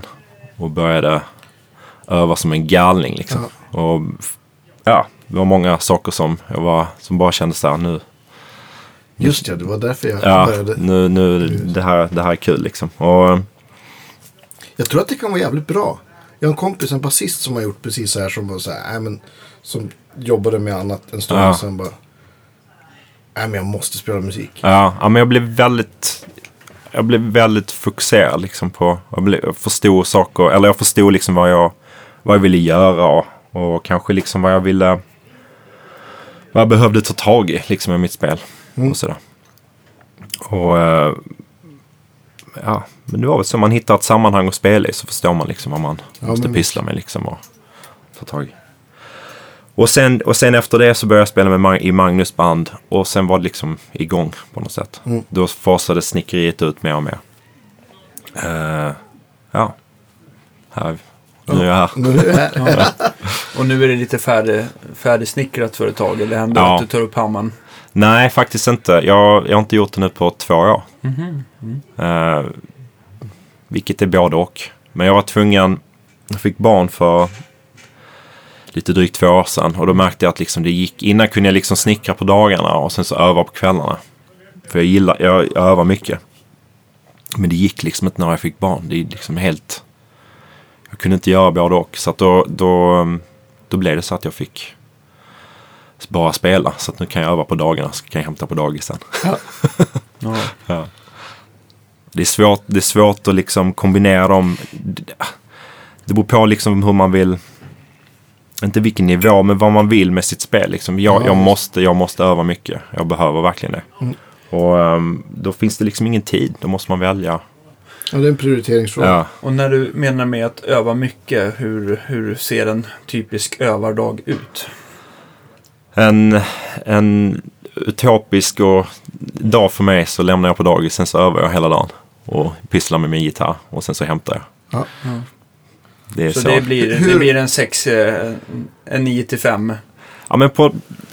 Ja, lite så. Liksom. Fast alltså, kanske inte så systematiskt att jag övar så många timmar. Men, men i alla fall liksom någon timme övar jag. Absolut. Och sen så kanske jag håller på med något musikrelaterat. Liksom. Pilla på ett ljud eller... Ja, skriver en låt eller Ja, vad fan som helst. Precis. Har, har Förhoppningsvis skriver man fakturor också. Du... Ja, precis. jag, jag, jag är nyfiken på det här. Men om, man, om vi pratar om, om övning. Har du något... Bestämmer du dig för att ja, men den här perioden ska jag öva på, på det här? Eller nu måste jag kolla in den här repertoaren. Det är såklart att det liksom... Ja, det är väldigt mycket, alltså ganska stor tid kan man gå åt och lära sig låtar. Ja, eh, så är det ganska ofta. Men sen snöar jag in på grejer som jag kollar in liksom. Mm. Och mm, det får ta den tid det tar innan jag känner att jag kan. Att jag känner att jag, ja men nu kan jag lämna det liksom. Mm. Men, eh, men jag försöker bli mer, mer så här, systematisk i min övning liksom. Och så här, men nu ska jag faktiskt, det här måste jag kolla in liksom. Och nu jobbar jag på det här. Eh, för det, det tror jag är viktigt att man gör. Om man, om man har mycket tid att öva så tror jag att det är viktigt att man måste liksom på något sätt konkretisera och, och, eh, och, eh, och systematisera det. Tror jag det är bra. Liksom. Har du, när du övar, jag kan tänka mig att ja, det finns ju så otroligt mycket man kan öva på, men, men, eh, men har det varit mycket mer så här att du har eh, malt med kanske tråkig teknik, eh, alltså skalor, eller har alltid varit liksom ganska mycket musik, att du måste liksom få in det Alltså, spelandet alltså, i ett sammanhang? teknik, alltså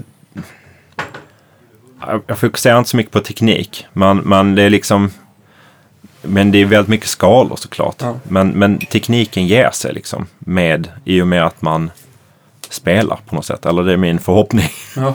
Och eh, Du känner inte att tekniken begränsar dig så i alla fall? nej, alltså det, det är klart man känner Jag skulle det. säga att du har ytterst bra teknik. Ah, ah, Jävligt bra teknik. Och nu, Nej, jag- ursäkta mitt ordval, men verkligen. ah, tack. Ja, Ja, jag,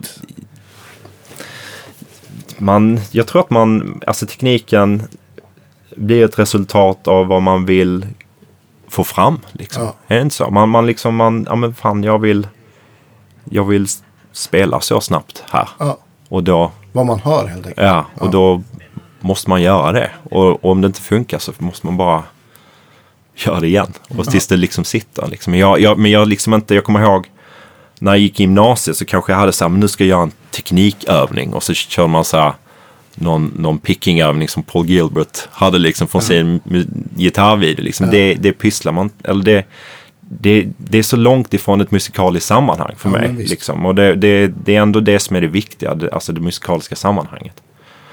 Bra, då kände jag att jag fick svar på min fråga. Ja. Ja, förlåt, det var Nej, liksom nej, ett nej, långt nej, svar nej, det var från jättebra. en, Ja, en, bra svar. Det kanske är jag Ja. som är otydlig och inte får fram det jag vill Nej. Fråga. Nej, men det, Nej, men det är ganska inte. vanligt att man använder så... Jag, jag kan tänka mig, för gitarrister så är det ganska vanligt liksom att man har övar teknik liksom. Och då, jag vet inte riktigt, jag kan... Jag tror inte var, riktigt de själva fattar vad de säger. Eller frågar liksom när de... Ja, men det, alltså, om man, om man säger personligen om man backar till gymnasiet. Då satt jag också med. Ja, men sådana här Ja, sådana skalövningar. Om, man, om någon istället hade sagt till mig, men du, lär dig det här solot av Randy Rhodes eller Meola eller Pat Metheny istället för att, att sitta och spela, Mala de här... mala skalor upp och ner. Så då kommer du liksom lära dig spela sådär fort ändå. Och så, helt, och så kan du göra musik också. ja, Så det, Men av de här picking-videorna, nu tänker jag på de här... äh, Paul Ja. Gilbert. Petrucci såklart. Petrucci Vad, såklart. het, vad heter den? Ännu, ännu Ja, en tråkig. Fruktad pickingteknik då. ah. Jo, men nej, men nej, jag säger inte att de är tråkiga. Nej, men nej. oftast är många sådana övningar eh, eh, helt omusikaliska. Och man kan inte sätta in dem i något sammanhang Nej. oftast. Eller? Nej. Vad, Nej, he, det blir vad, bara... heter, vad heter hans Petruccis video? Jag Jag, den jag, koll, jag Han kollar har inte på den, men Paul Gilbert var jag väldigt väl bekant med. Ja, Petrucci, det är väl den han håller sin... När han hade sin första Ibanez- Ibanez. Ja, den- ja, ansikten på framsidan.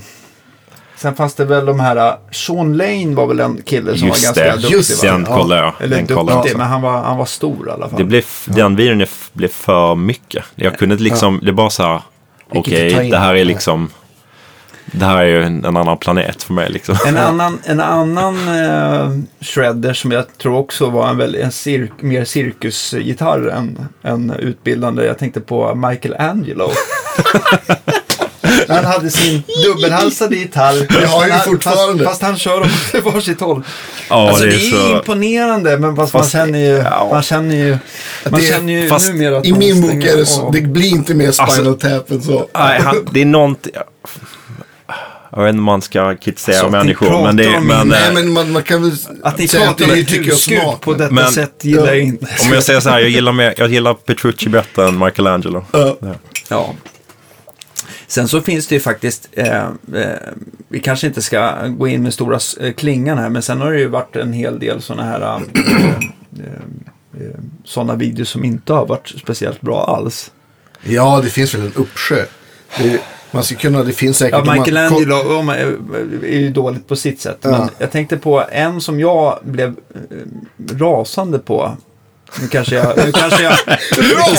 Ja, jag blev så förbannad. Och förlåt om jag liksom trampar på någon öm tå där ute. Men det här var faktiskt inte bra. Wolf Marshall. Den har jag inte... Nej, för fan, det är nog det sämsta jag har sett. Vem, vem, vem är Ja, det? men han, kör, han skrev ju alla sådana här tabböcker på och plocka ut Yngve-solon och Ja, sånt och där. han skrev gjorde i- Aha, okej. Han skrev också in någon gitarr, inte Guitar World eller Ja, Guitarist typ, eller någon. Så här, blond kille, Jajamän. nyfönad på varje bild. Men det var Han hade- fruktansvärt dåligt. Han har säkert blivit bättre. Ja, ja, men det, det kommer Men- jag också ihåg att jag hade någon bok där, där man märkte att det här var inte rätt. Ja. Erik Jonsson-videon var väl däremot rätt bra. ja, absolut. Yngve-videon är grym. Ja, men det är ju, det är ju Den är ju- underhållning ja, på sitt det sätt. är ju Bara, fantastiskt. well, I'm alltså. gonna take it slow och så bara... Så går det Ja, ja, visst. typ lika fort. Ja, nu, nog om eh, dem, men eh, ja. Plankar du, plankar du andra Ja, ja. eller? Ja, sjukt mycket. Eller, eller ja. så här, Ja, jag plankar mycket. ja. Ja, Vad, kör du så här Amazing Slowdowner eller vad, har du ja, ja den skaffade jag faktiskt. Det var det var som en uppenbarelse när jag köpte den för eh, ett år sedan nu. Köpte den. Eh, ja, det är ju grymt. Men innan, innan dess har jag inte ja. haft det. Det är alltså man, för er som inte vet så är det en, en app som man kan i telefonen så kan man till och med med streamad musik från Spotify kan man dra Som- ner tempot. Som jag tror att min gamla gitarrlärare Rolf Nilsson på Fridhem har gjort. Ja, men jag tror att det är han också. Ja, Jag kommer ihåg att jag köpte en tidig version till, till min dator och då kommer jag ihåg att Jo, men det, det, namnet ja. klingar bekant. Och så kan man byta tonart så det är ju bra även om man ska planka låtar, spela en låt i en annan tonart. Även om det, ja, det är ett bra verktyg oavsett. Vad sa du? Amazing Slowdown? Eller heter, Ja. den, eller heter den bara. Amazing? Eller vad heter den? Det är, det är något sånt i alla fall. Ja. Ja, den är grym. Den är Så kan man bara skitbra. sätta ett, mellan sekund- sekund 17 och 32 och så drar man ner det till 50 procent. Ja, men den behåller rätt pitch på Ja, något visst. sätt. Ja, Med ja. någon time stretch. eh, Exakt. Och det är liksom väldigt bra time stretch. Jättebra. Ja. Amazing slowdown. Vad kostar det? Jag tror inte den är så dyr. heller. 7000. 8-2. Ja. Nej, Ja, men jag, en hundring kanske? jag, jag har den bara till mobilen. Men Ja. ja, ja något sånt. Ja, Okej. Väl investerade pengar. Ja, ja verkligen. Om man... Om man gillar att planka så är det väldigt bra. Skriver du ner grejer då också? Eller? Nej, jag borde det. Men jag, ibland... Nej, jag skriver inte ner. Det borde jag borde faktiskt göra. det. Men jag brukar spela in, liksom när jag har tagit ut något så brukar jag spela in det på någon... eh, Ja, på mobilen bara så att jag kommer Mm. ihåg det liksom. Så att Ja. jag vet att jag har, har gjort det. Typ. Diktafon. ja. Ja. Det tycker jag är en av, av de fördelarna med om man, om man plankar någon. Är att vägen innan man har lyckats lista ut vad de gör så har man ju uppfunnit ett par egna licks Exakt, exakt. på vägen dit på något vis. Nej, det är många som rackar ner på planka, men jag tycker det, är, ja, det har hjälpt mig otroligt mycket. Liksom. Det har, alltså speciellt, jag vet inte speciellt, men inom jazz i alla fall, liksom, det kan vara så det kan vara så abstrakt vad vissa människor håller på med liksom, att spela. Så att man liksom bara för att jag måste bara förstå vad fan det är som händer. Liksom. Då är det väldigt, alltså rent på, på någon slags kanske teoretiskt eller ham, ham, harmon, harmonilära liksom, aktig nivå. Och då, och då är det, har det hjälpt mig väldigt mycket att planka liksom. Bara fatta vad någon pysslar med. Är det någon eh, gitarrist du har lyssnat in det mycket på senare tid som du gillar? Och... Ja, det är, alltså nu senaste tio åren har det kommit en ny generation. Eh, som är vansinnigt bra. Liksom, som har tagit jazzgitarren till någon slags ny nivå. Man kan säga så här? Pat, man kan säga, alltså att om man säger Pat Metheny, Bill Frisell och Scofield är en generation. Så är, sen så kom Kurt Rosenwinkel som lite senare och han liksom öppnade upp. eh, jag vet inte, känner till Kurt Rosenwinkel? Nej, jag är jätte... Det här är ju... Ja, det, han, han är en vansinnigt, vansinnigt bra gitarrist, jazzgitarrist. Och um, ja, på något sätt tog det som Pat Metheny och de gjorde till någon slags, inte ny nivå, men liksom öppnade in någon, öppnade nya Tog dörrar. vidare. Ja, tog det vidare liksom.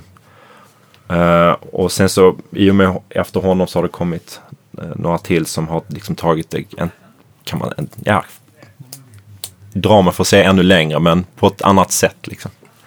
Säg några namn. Gilad Hexelman, Okej. en israelisk gitarrist. Ja. Ehm, Lage Lund. Eh, Mike Marino. Uh, Nir Felder. Mm. Också. Eh, det är bara... Ett namn. Erik. kände till. Känner du igen Fjäll då? Ja. Ja, det, Noll namn jag kände till. det är ju liksom in, det är ju, det är en väldigt begränsad publik de här personerna har.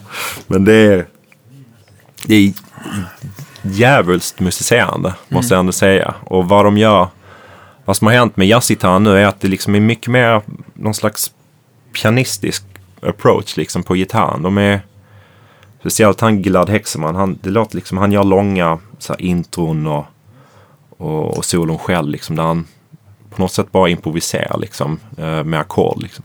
På, ett, på ett nytt sätt. Man har improviserat med ackord länge på jazzgitarr. Kan man säga liksom. att, att, att, eh, att Rosenwinkel var den som började det? Det kan man, ja, man kan säga att han var en, gjorde det. Ja, precis. Ja, det, det är helt grymt alltså. Det, Jag kan ju säga, eh, när det gäller jazz för mig, så jag har ju bara gillat den här verkligen old school. Alltså när det nästan så här äh, gränsar till blues. De här Mm. Bill Jennings, Tiny Grimes. Ja, ja, ja, alltså ja. den här riktig, det är, det är ju väldigt, asfett ju.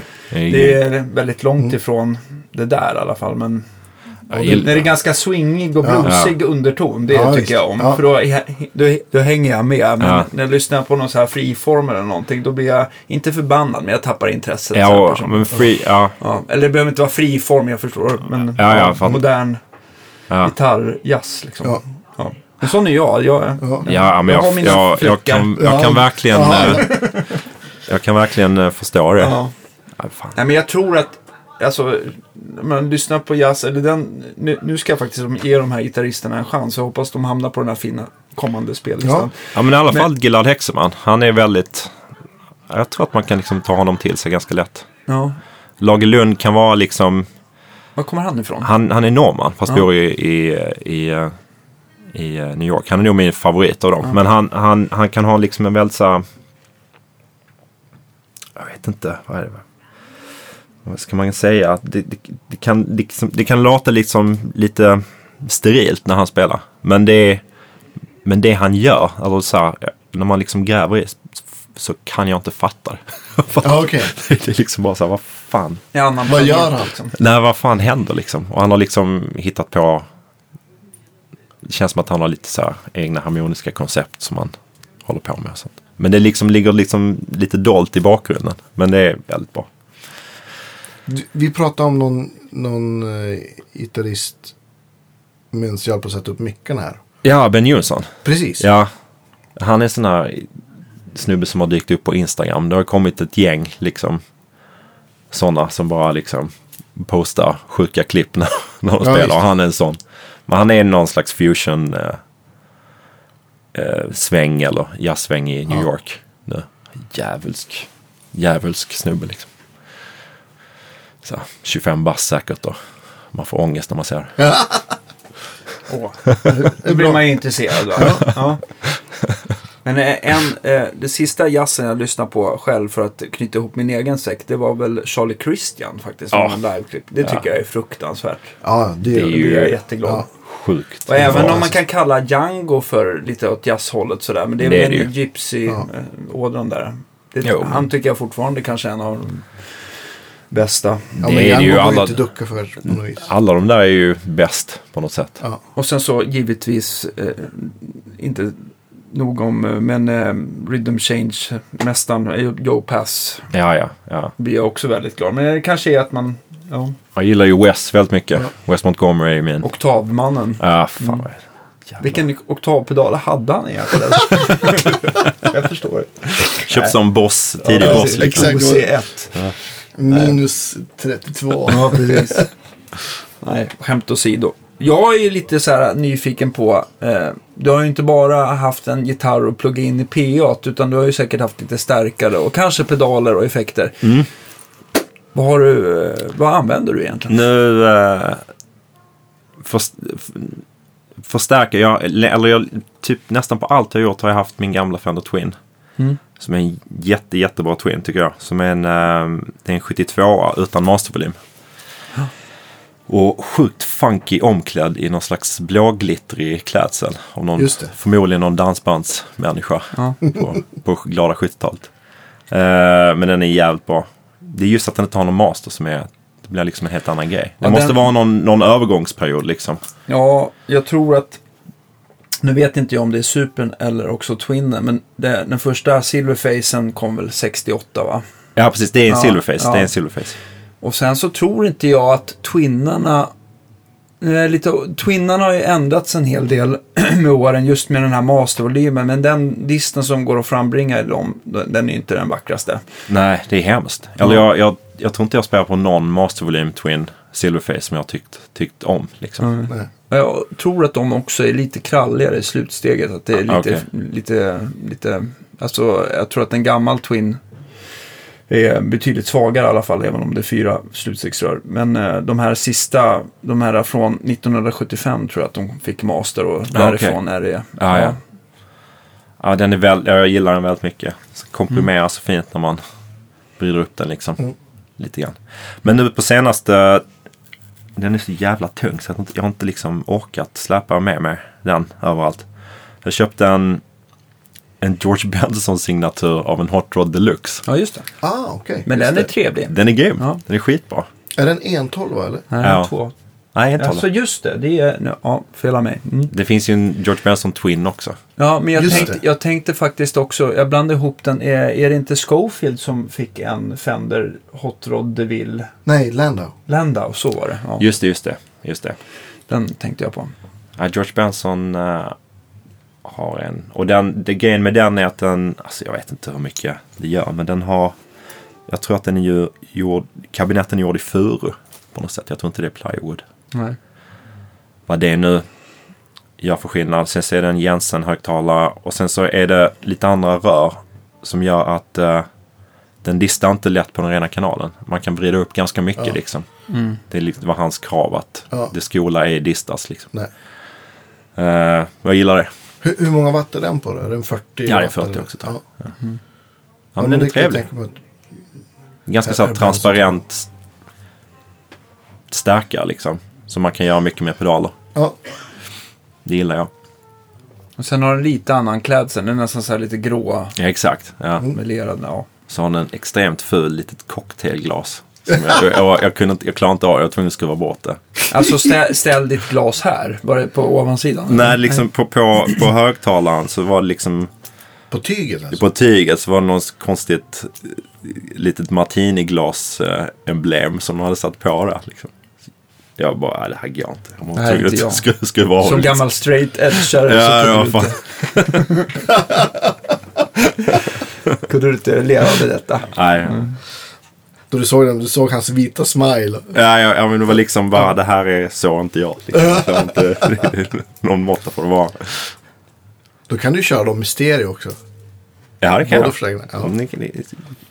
Jag gjorde någon gjort. liknande grej faktiskt. Jag fick skruva bort ett EC, Eric Clapton-märke på en sån här Tweed Twin till Sven Zetterberg. ja, just det. Nej, men jag kan inte spela. Nej, det här det gick inte. Men det är ju coolt, det har jag Ja. Clapton. Det, det hade inte jag skämts för. Nej. Men jag hade inte skämts för George Benson heller, men det var, det var jävla... Det var så vansinnigt fult. Jag kunde inte liksom inte stå för det riktigt. Även om det var hans idé. Ja.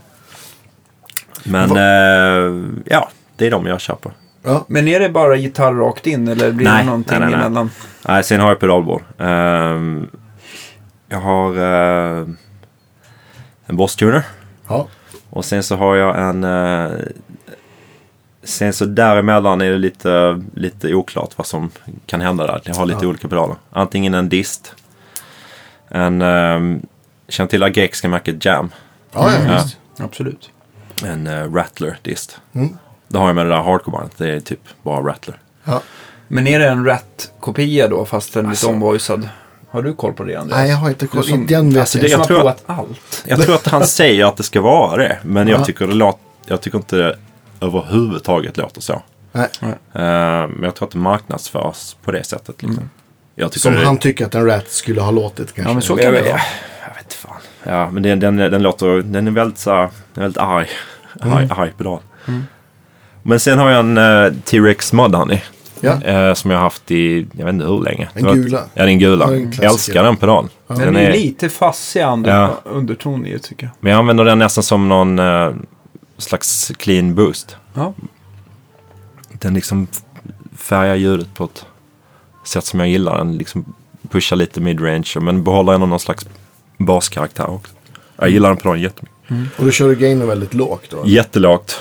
Och, ehm, och tonkontrollen också, den är grym liksom. Den är inte så bright. Ja, jag vet inte, den, den pedalen är... Det låter som att det ska vara en pedal som funkar bra in, in i en Twin också. Ja. Som, som där är många overdrive eller distar som nästan har en tendens att sticka iväg i diskanten. Ja, exakt. Ja.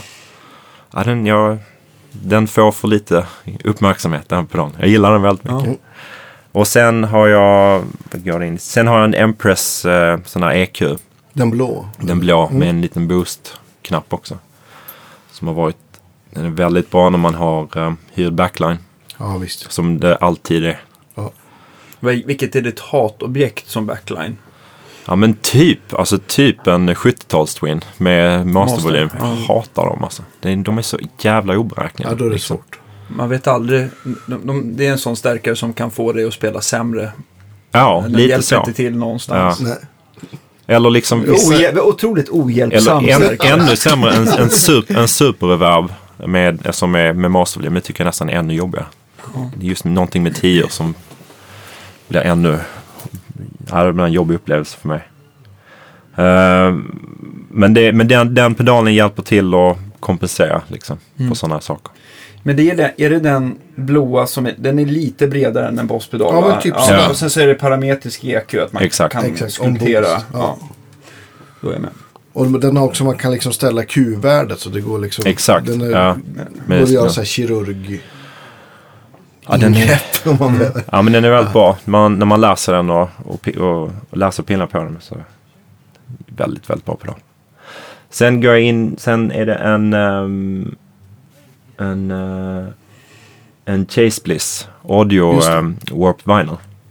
Som är, det är typ min favoritpedal också. Älskar den pedalen. Den, jag har den på alltid. Den, liksom, den är också en sån pedal som färgar ljudet på något sätt. Jag vet inte vad det är som händer där i. Liksom. Men det, allting blir bara liksom rundare och Den har jag aldrig, aldrig testat. Men jag, de gör ganska mycket roliga Ja, och knasiga pedaler. Jag har älsk- bara provat deras knasiga grejer. Jag trodde de var men väldigt den, mycket den här- är ju knas, eller den har ju liksom ett ganska brett spektrum. Jag har, jag, jag har ju typ nästan alltid lite så här vibrato på. Det har jag haft väldigt länge. I- Det började med att jag hade en sån där gammal, ehm, du vet den första Boss CE, CE1. Ja, den, Den stora. stora. Ja. Ja. Och då kopplar jag in den i stereouttaget bara, inte i monoutaget. Så får man bara den här, Bara wobblet. äh, bara wobblet liksom. Just det. Och sen har jag liksom letat efter pedal som kan göra typ samma sak för jag orkar inte ha med den där stora. Mm. Så jag köpte De är ju en... ganska brusiga har för mig, de där gamla också. Ja, Och tunga. och tunga och tar mycket plats på pedalbordet liksom. Mm. Sen köpte jag en klon av den eh, som heter Retrosonic. Mm. Så den körde på länge. Men sen så kom den här Chase Bliss och den, jag bara älskar den. Är så Ja. jävla grym liksom. Vad händer mer? Och sen en Jam Delay Lama, så här analog delay. Mm. Och sen en Empress Tape Delay. Och sen en Strymon eh, Blue Sky. Sen är Ja, that's reverb. it. Ja. Ja, Ganska mycket pedaler. Ja. Känns som. nu när jag det är säger bra. Du är i gott sällskap. här. Ja, absolut. Ja. Men eh, gitarrer då? Gitarrer. ehm, jag körde ganska länge på en um, SG Custom från 74. Mm. Så här, tre mickar. Den hade jag fram tills bara för några år sedan. Tills jag köpte en Collings. Sån här 335-aktig. De är så jävla bra de Ja, där Collings fantastiskt 335-varianterna. bra, Ja, ja, det är... Ja, jag, jag älskar den gitarren. Grym. Det är liksom sjukt inspirerande att köpa den gitarren. Det bara fick sån... Ja, men det är nästan som att... eh, jag tror Andy Filer snackade om det. I, att, att ett instrument kan liksom... eh, inspirera en och, och få en att hitta nya vägar. Liksom. Den gitarren har verkligen gjort det. Var hittar du den? Jag hittar inte, eller jag, jag, jag står den på nätet. Du, du stal den på nätet. Jag stal den på nätet. Ja, men jag hade provat, jag, jag var lite på jakt för att min, min SG, när jag var ute och reste med den, så den pajade, alltså allvarligt pajade liksom två, tre gånger när jag var ute och flög med den. Ja. Så att jag orkar inte mer. Liksom. Se- Sen, och då var jag på jakt efter en ny gitarr. Så var jag sugen på en 335. Och provade massa Gibsons överallt här i stan. Men fick liksom ingen feeling. Och så var jag i London. Och så hade jag kollat in de här Collings lite. Och så fanns det en affär som hade dem. Och så provade jag och så bara shit, det här är sjukt bra. Och så provade jag en till och så var den sjukt bra. Så provade jag en till så var den sjukt bra. Så alla tre stycken gitarrer var konsekvent jätte, jätte, jättebra. Sen gick jag hem och kollade på nätet. Såg jag en, en jävligt cool vit sån här, eh, i USA. Music Emporium, kände till den affären. Ganska så här välkänd affär. Och köpte den där. Så här, Men grisen de är, inte, de är inte eh, så himla billiga. Men det är väl ändå en 4 000 dollar eller någonting sånt Ja, va? 4 000 exakt kostade den. Ja. Jag hade precis sålt en lägenhet. Så att jag köpte en gitarr. Ja, det är bra. Nej, men jag, alltså, eh, det finns, eh, det finns gitarrer som kostar väldigt mycket men som fortfarande inte känns eh, dyra på det sättet. Ja, men vad jag precis. menar. Och det Jag där vet. är väl verkligen, Men jag ställde det emot att alltså, en, en Gibson Custom Shop kostar ju lika mycket. ja. Eh, typ. Och det är hälften så mycket gitarr. Tycker Ja, men jag, tyck, oftast. jag tycker det också. Jag, tycker, jag fick liksom ingen sån, sån wow-upplevelse liksom när jag provade Gibson. Tyvärr. Liksom, jag, är en, jag är en Gibson-snubbe liksom. Men jag... Alltså om man testar. jag- Jag har testat ett en gäng jättefina 335 från så här 62, 64. Men det är ju liksom ett arm och ett ben. Och Jo, men man kan, man kan inte in- resa dem. Man kan Nej, inte vill resa med dem. Liksom. Kasta den på bandet liksom. Nu har det ju blivit så att... 125 000 liksom. Nu har det ju blivit så att jag typ tycker om den gitarren mest av allt. Men, eh, men det är ändå så om den skulle paja. Jag vet att det liksom inte det går att få tag på en ny. Liksom, och jag Ja. som skulle Och kunna det är liksom... inget, ingen så här värdeminskning på Nej. 70 000. Nej, det är det inte. Nej, precis. Har du, har du något bra case till den då eller? Ja, jag har ett sånt... Uh, uh, köpt så här Carlton. Ja, just det. Just det, så här, de är nästan tyngre än eh, allt annat. Men, De är ganska tunga. det, vill säga, det är väl kevlar eller glasfiber va? Eller? Jag tror det är glasfiber. Ja. Jättedyra. Fan. Men det kändes som att nu, jag har slutat att ta med mig gitarren in i kabinen för att det typ... Ja, Jag inte. orkar inte med den stressen längre. Nej. Eh, och tjafsa med människor som är dumma i huvudet. Så att jag ja, checkar in. Så det känns som att det var bra grejer att köpa. Ja, det har funkat hittills, tack och lov. Vad kostar en sån? Är det 5-6 tusen eller? Nej, det räcker inte. Det, Det är räcker dubbla tror jag. Det är Jag, 10? 10 10-11, ja, Ja. tyvärr. Men man Men- kan välja lite färg och... Ja. Man kan välja lite färg, Ja. men jävligt snygga också. ja.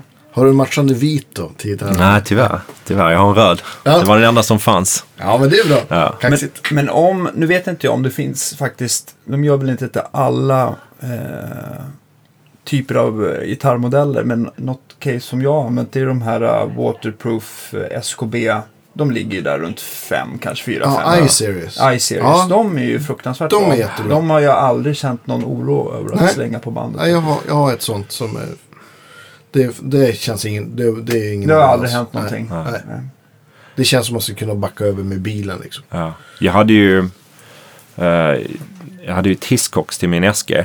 Och en gång när det kom på bandet så var det ett stort hål i, i caset. Alltså ett, ett, Åh, sånt- ett runt hål rakt ner. Och då hade kroppen spruckit. Alltså SG-kroppen hade spruckit alltså i, i nederkant liksom. Vad fan, vad, hur lyckas de? Alltså sådana grejer vad, vad hände liksom.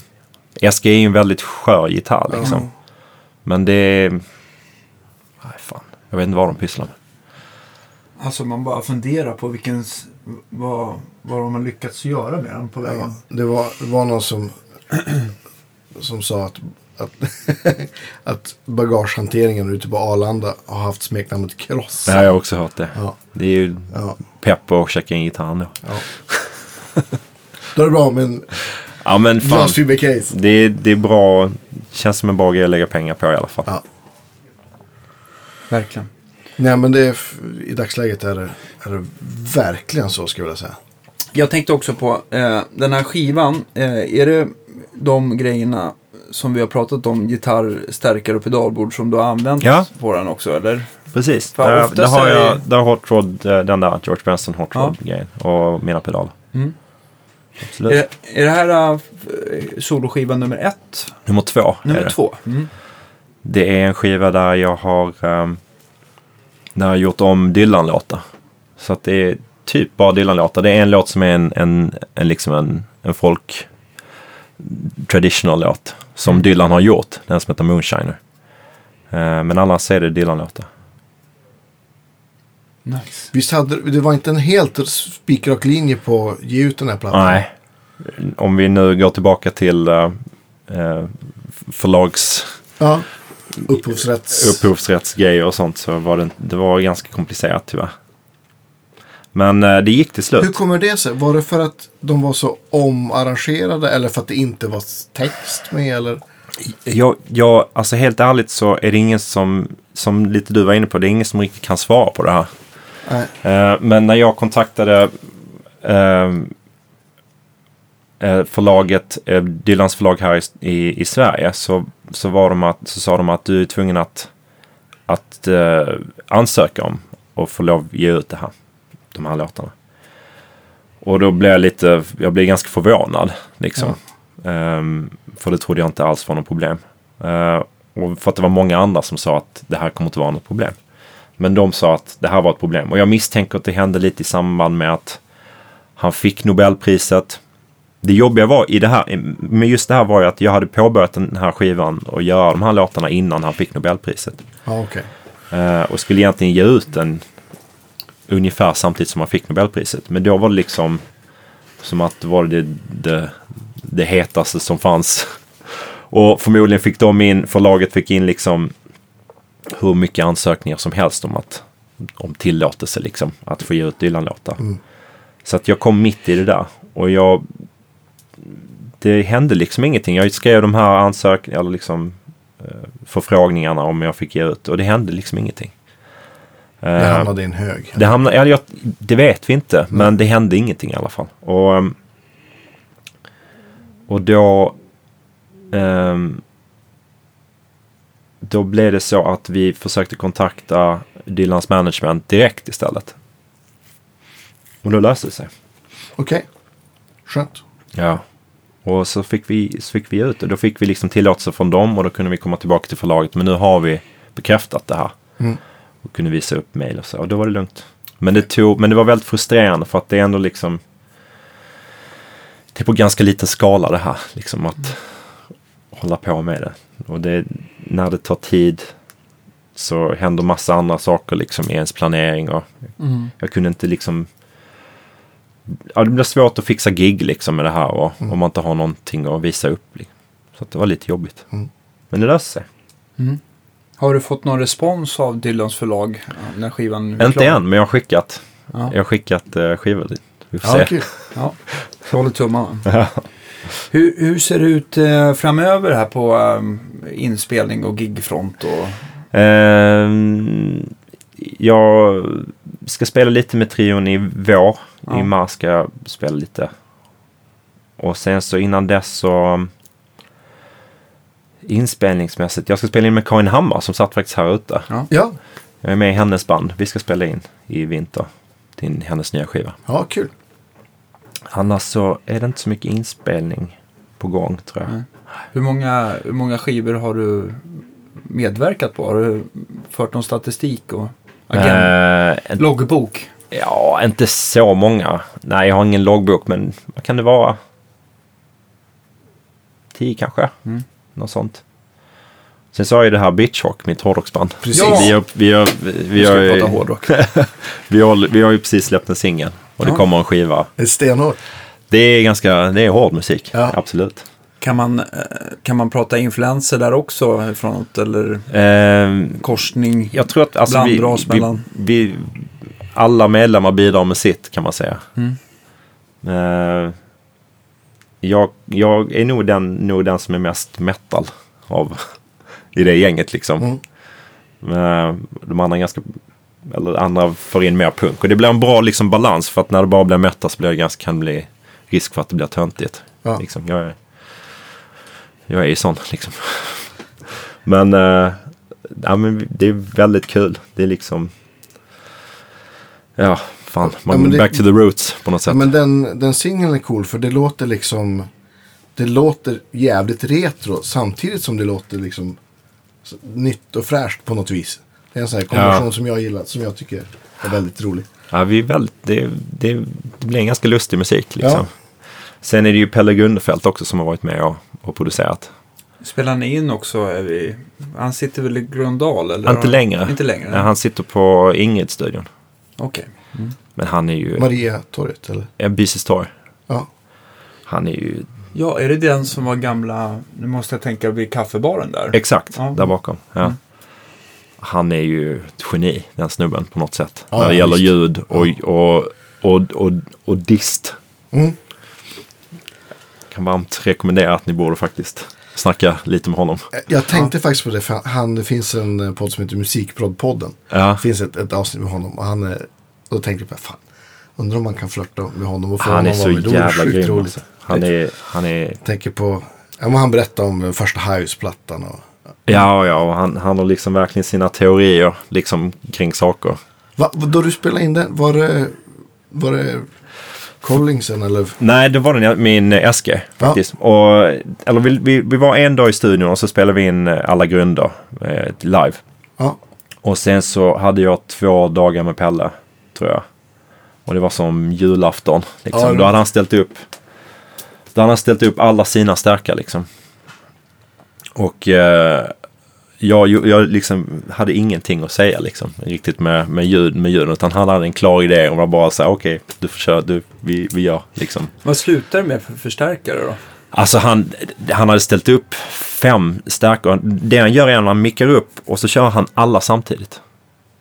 Och, eh, och Så sen bländar han Så liksom. bländar han. Och så liksom också så kan han liksom lägga på. Fan han får liksom eh, bekräfta det här nästan. Han, han, liksom la lager, han kunde liksom lägga lager av olika kompressorer på liksom i studion. Sen ovanpå. Liksom. Det är jävligt flummiga. ja. man hade säkert gjort alltså, parallell ja, ja. bussar med kompression. Ja, exakt. Men det var mycket hi-watt tror jag. Eh, han har en hi-watt stack som är grym. Mm. Eh, mycket den. La ni om alla gitarrer eller finns det kvar något? Nej, det finns all, all, all, hela grundgitarren finns kvar. Liksom. Den ligger där i bakgrunden och skramlar. Det är, det är en ganska stökig historia liksom. Mm.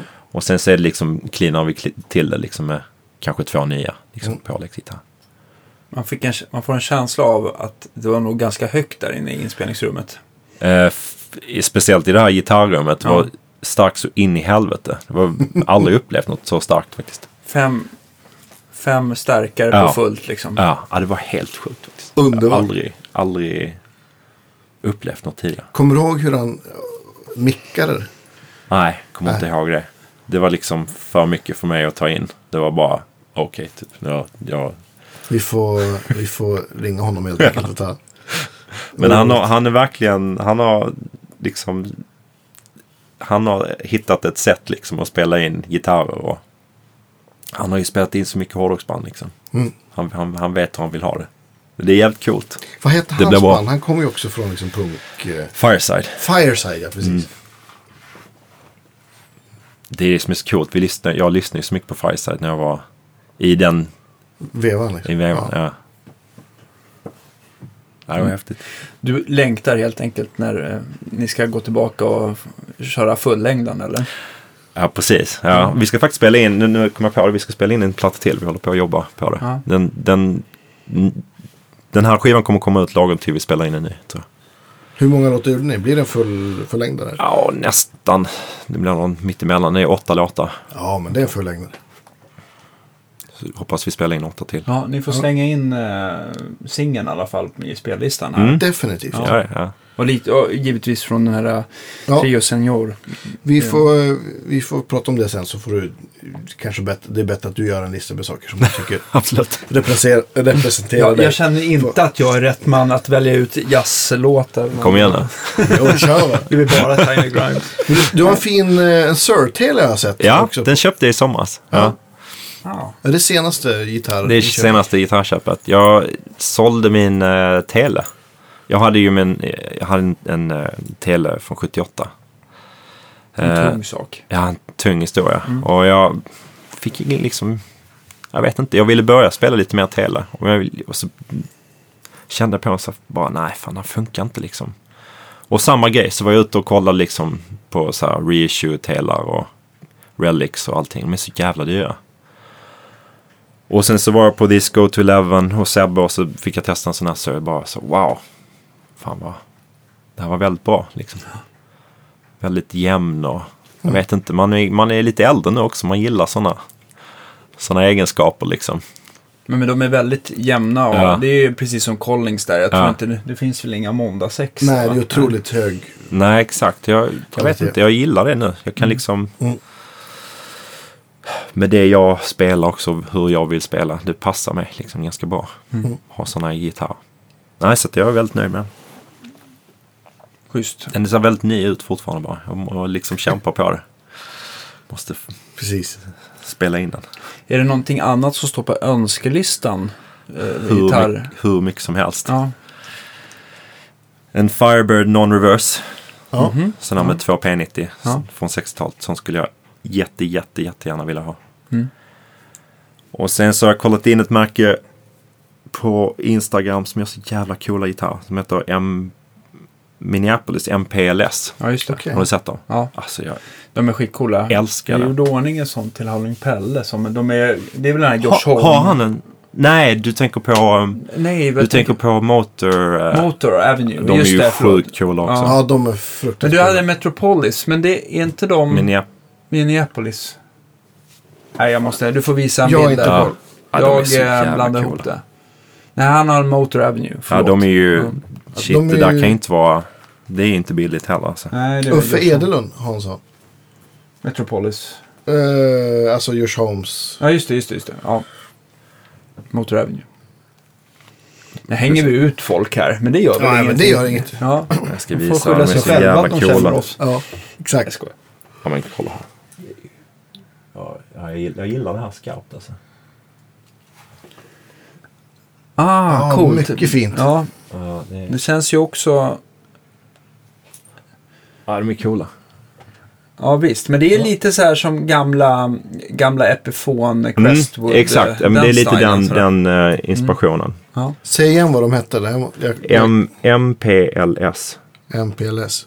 Ja, en sån här skulle jag väldigt gärna vilja ha. Så sjukt coola headstocks också. Ja. ja, verkligen. De är Rejäla. Det påminner om Det någon sån här är här underbart. bland... Vi sitter och tittar på bilder. Ja, I love it. ja. De känns lite så här som... som ehm, Gibson-skallar gone crazy. Eller lite blandning. Ja, nej, jag vet inte. Lite Gretsch och gamla Cave. Det är den va? MPLS Guitars. Ja, Ja, den. Ja. Mhm. ja Spännande. mer då? Med, ja men Spelar du någon akustisk gitarr? Ja, lite. Jag, Ja. jag är inte- sådär jättemycket. Jag drar mig för det. Men jag lite. Jag har en, ehm, en eh, Gibson Southern Jumbo. Så Woody Guthrie. Ja, coolt. Som är faktiskt bra. Den är grym. Men det har inte blivit så mycket Acke. Jag tycker det är så jobbigt att spela live. Men med Karin Hammar, hon, hon vill ha Acke live. Så där jag har fått, fått korset. släppa med den. Ja. Och nu ska jag spela med Lars Danielsson också. Han, han kommer också vara... Där kommer också vara Acke. Mm. Men det är så jobbigt. Jag tycker det är så jobbigt att spela live. Jag, tycker det är, jag har inte hittat något sätt som... Jag vet ni har pratat mycket om det här i, i podden. Ja, men det, det är ju Men svårt. det är liksom, det, det blir aldrig... Man blir aldrig nöjd sig. liksom. Ja, det är faktiskt det är väldigt svårt. Ja, man får, man får eh, lägga, man får skruva ner ribban lite grann så. Ja, Jo, speciellt om man vill spela sol. Alltså du vet, när man ska spela solen och sånt. Det blir liksom... ja det är svårt att Hela bandet måste kompensera för att jag har spelat Acke då. Liksom. Mm. Och det kanske inte är så kul. få, den där bärigheten liksom. Ja.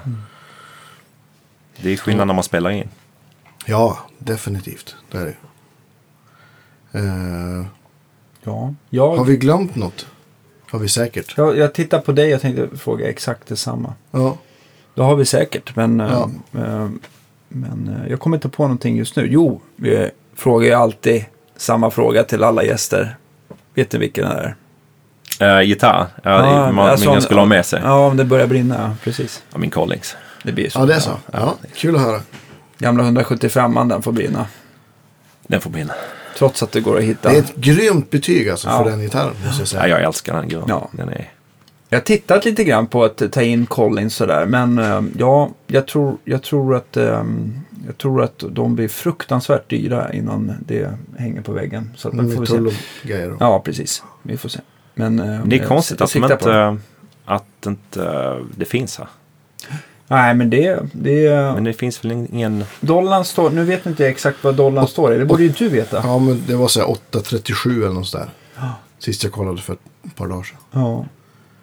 Men det är väl så. Det finns inte så många människor som skulle kunna tänkas köpa Jag en sån också- gitarr i Sverige. Kanske. Nej, jag, vet tror inte. att det jag tror marknaden finns, men de är dyra och sen så, sen så är ju eh, min upp, stränga uppfattning är att, bestämda uppfattning är att svenskar är ju ganska konservativa. Det är mycket Mm. Gibson och Fender och att det ska se vintage ut och sådär. Nya märken med lite twist är, Mm. Är inte lika. Det kanske börjar lu- luckras upp nu va, men det, det har varit väldigt Jag tror det. Det, vintagefierat. bo, eller det borde luckas upp. Nu, Ja. De nya märkena är ju så himla bra. Liksom. Ja, så, att, så att det är ju verkligen en... Uh, Gibson och Fender får ju verkligen någonting att vad heter det, konkurrera mot. Ja, liksom. Mm. rent för, för dem själva. De, det görs ju så himla bra gitarrer liksom, Mm. för samma pris. Ja. Visst. Ja, alltså det jag tycker så här Gibson och Fender, det går ju, är det uppe på den här uh, absolut högsta nivån av custom shop och, Mm. och sådär så finns det ju många bra gitarrer Ja. där ute. Och jag tycker även, tycker även många får in, jag får in, eh, jag har fått in ganska många ombandningar nu av gamla eh, American Standard sådär. De, är inte, de känns ju inte alltid så himla inspirerande när de är nya och sådär. Men nu har jag fått prova några som jag har blivit riktigt inbankade och spelade från på. 90-talet, eller? Ja, precis. Ja. De börjar komma nu, nu börjar banden bli helt slut sådär. De, är, de, eh, de har varit, eh, ja, Ja, det är vintage snart. Ja, Ja. Ja. Konstigt. ja konstigt. Man trodde inte att det skulle hända. Ja. Du, fantastiskt trevligt att ha dig här. Ja. Du, Jättekul. sjukt kul. Ja, Sjukt kul. Verkligen. Verkligen, Ska stort vi... tack för att du eh, vinyl. ville vara med. Ja. Du, nöjet är allt från min sida. Ja, vi hörs nästa vecka. Det gör vi. Ha det så bra. Hej då. Hej.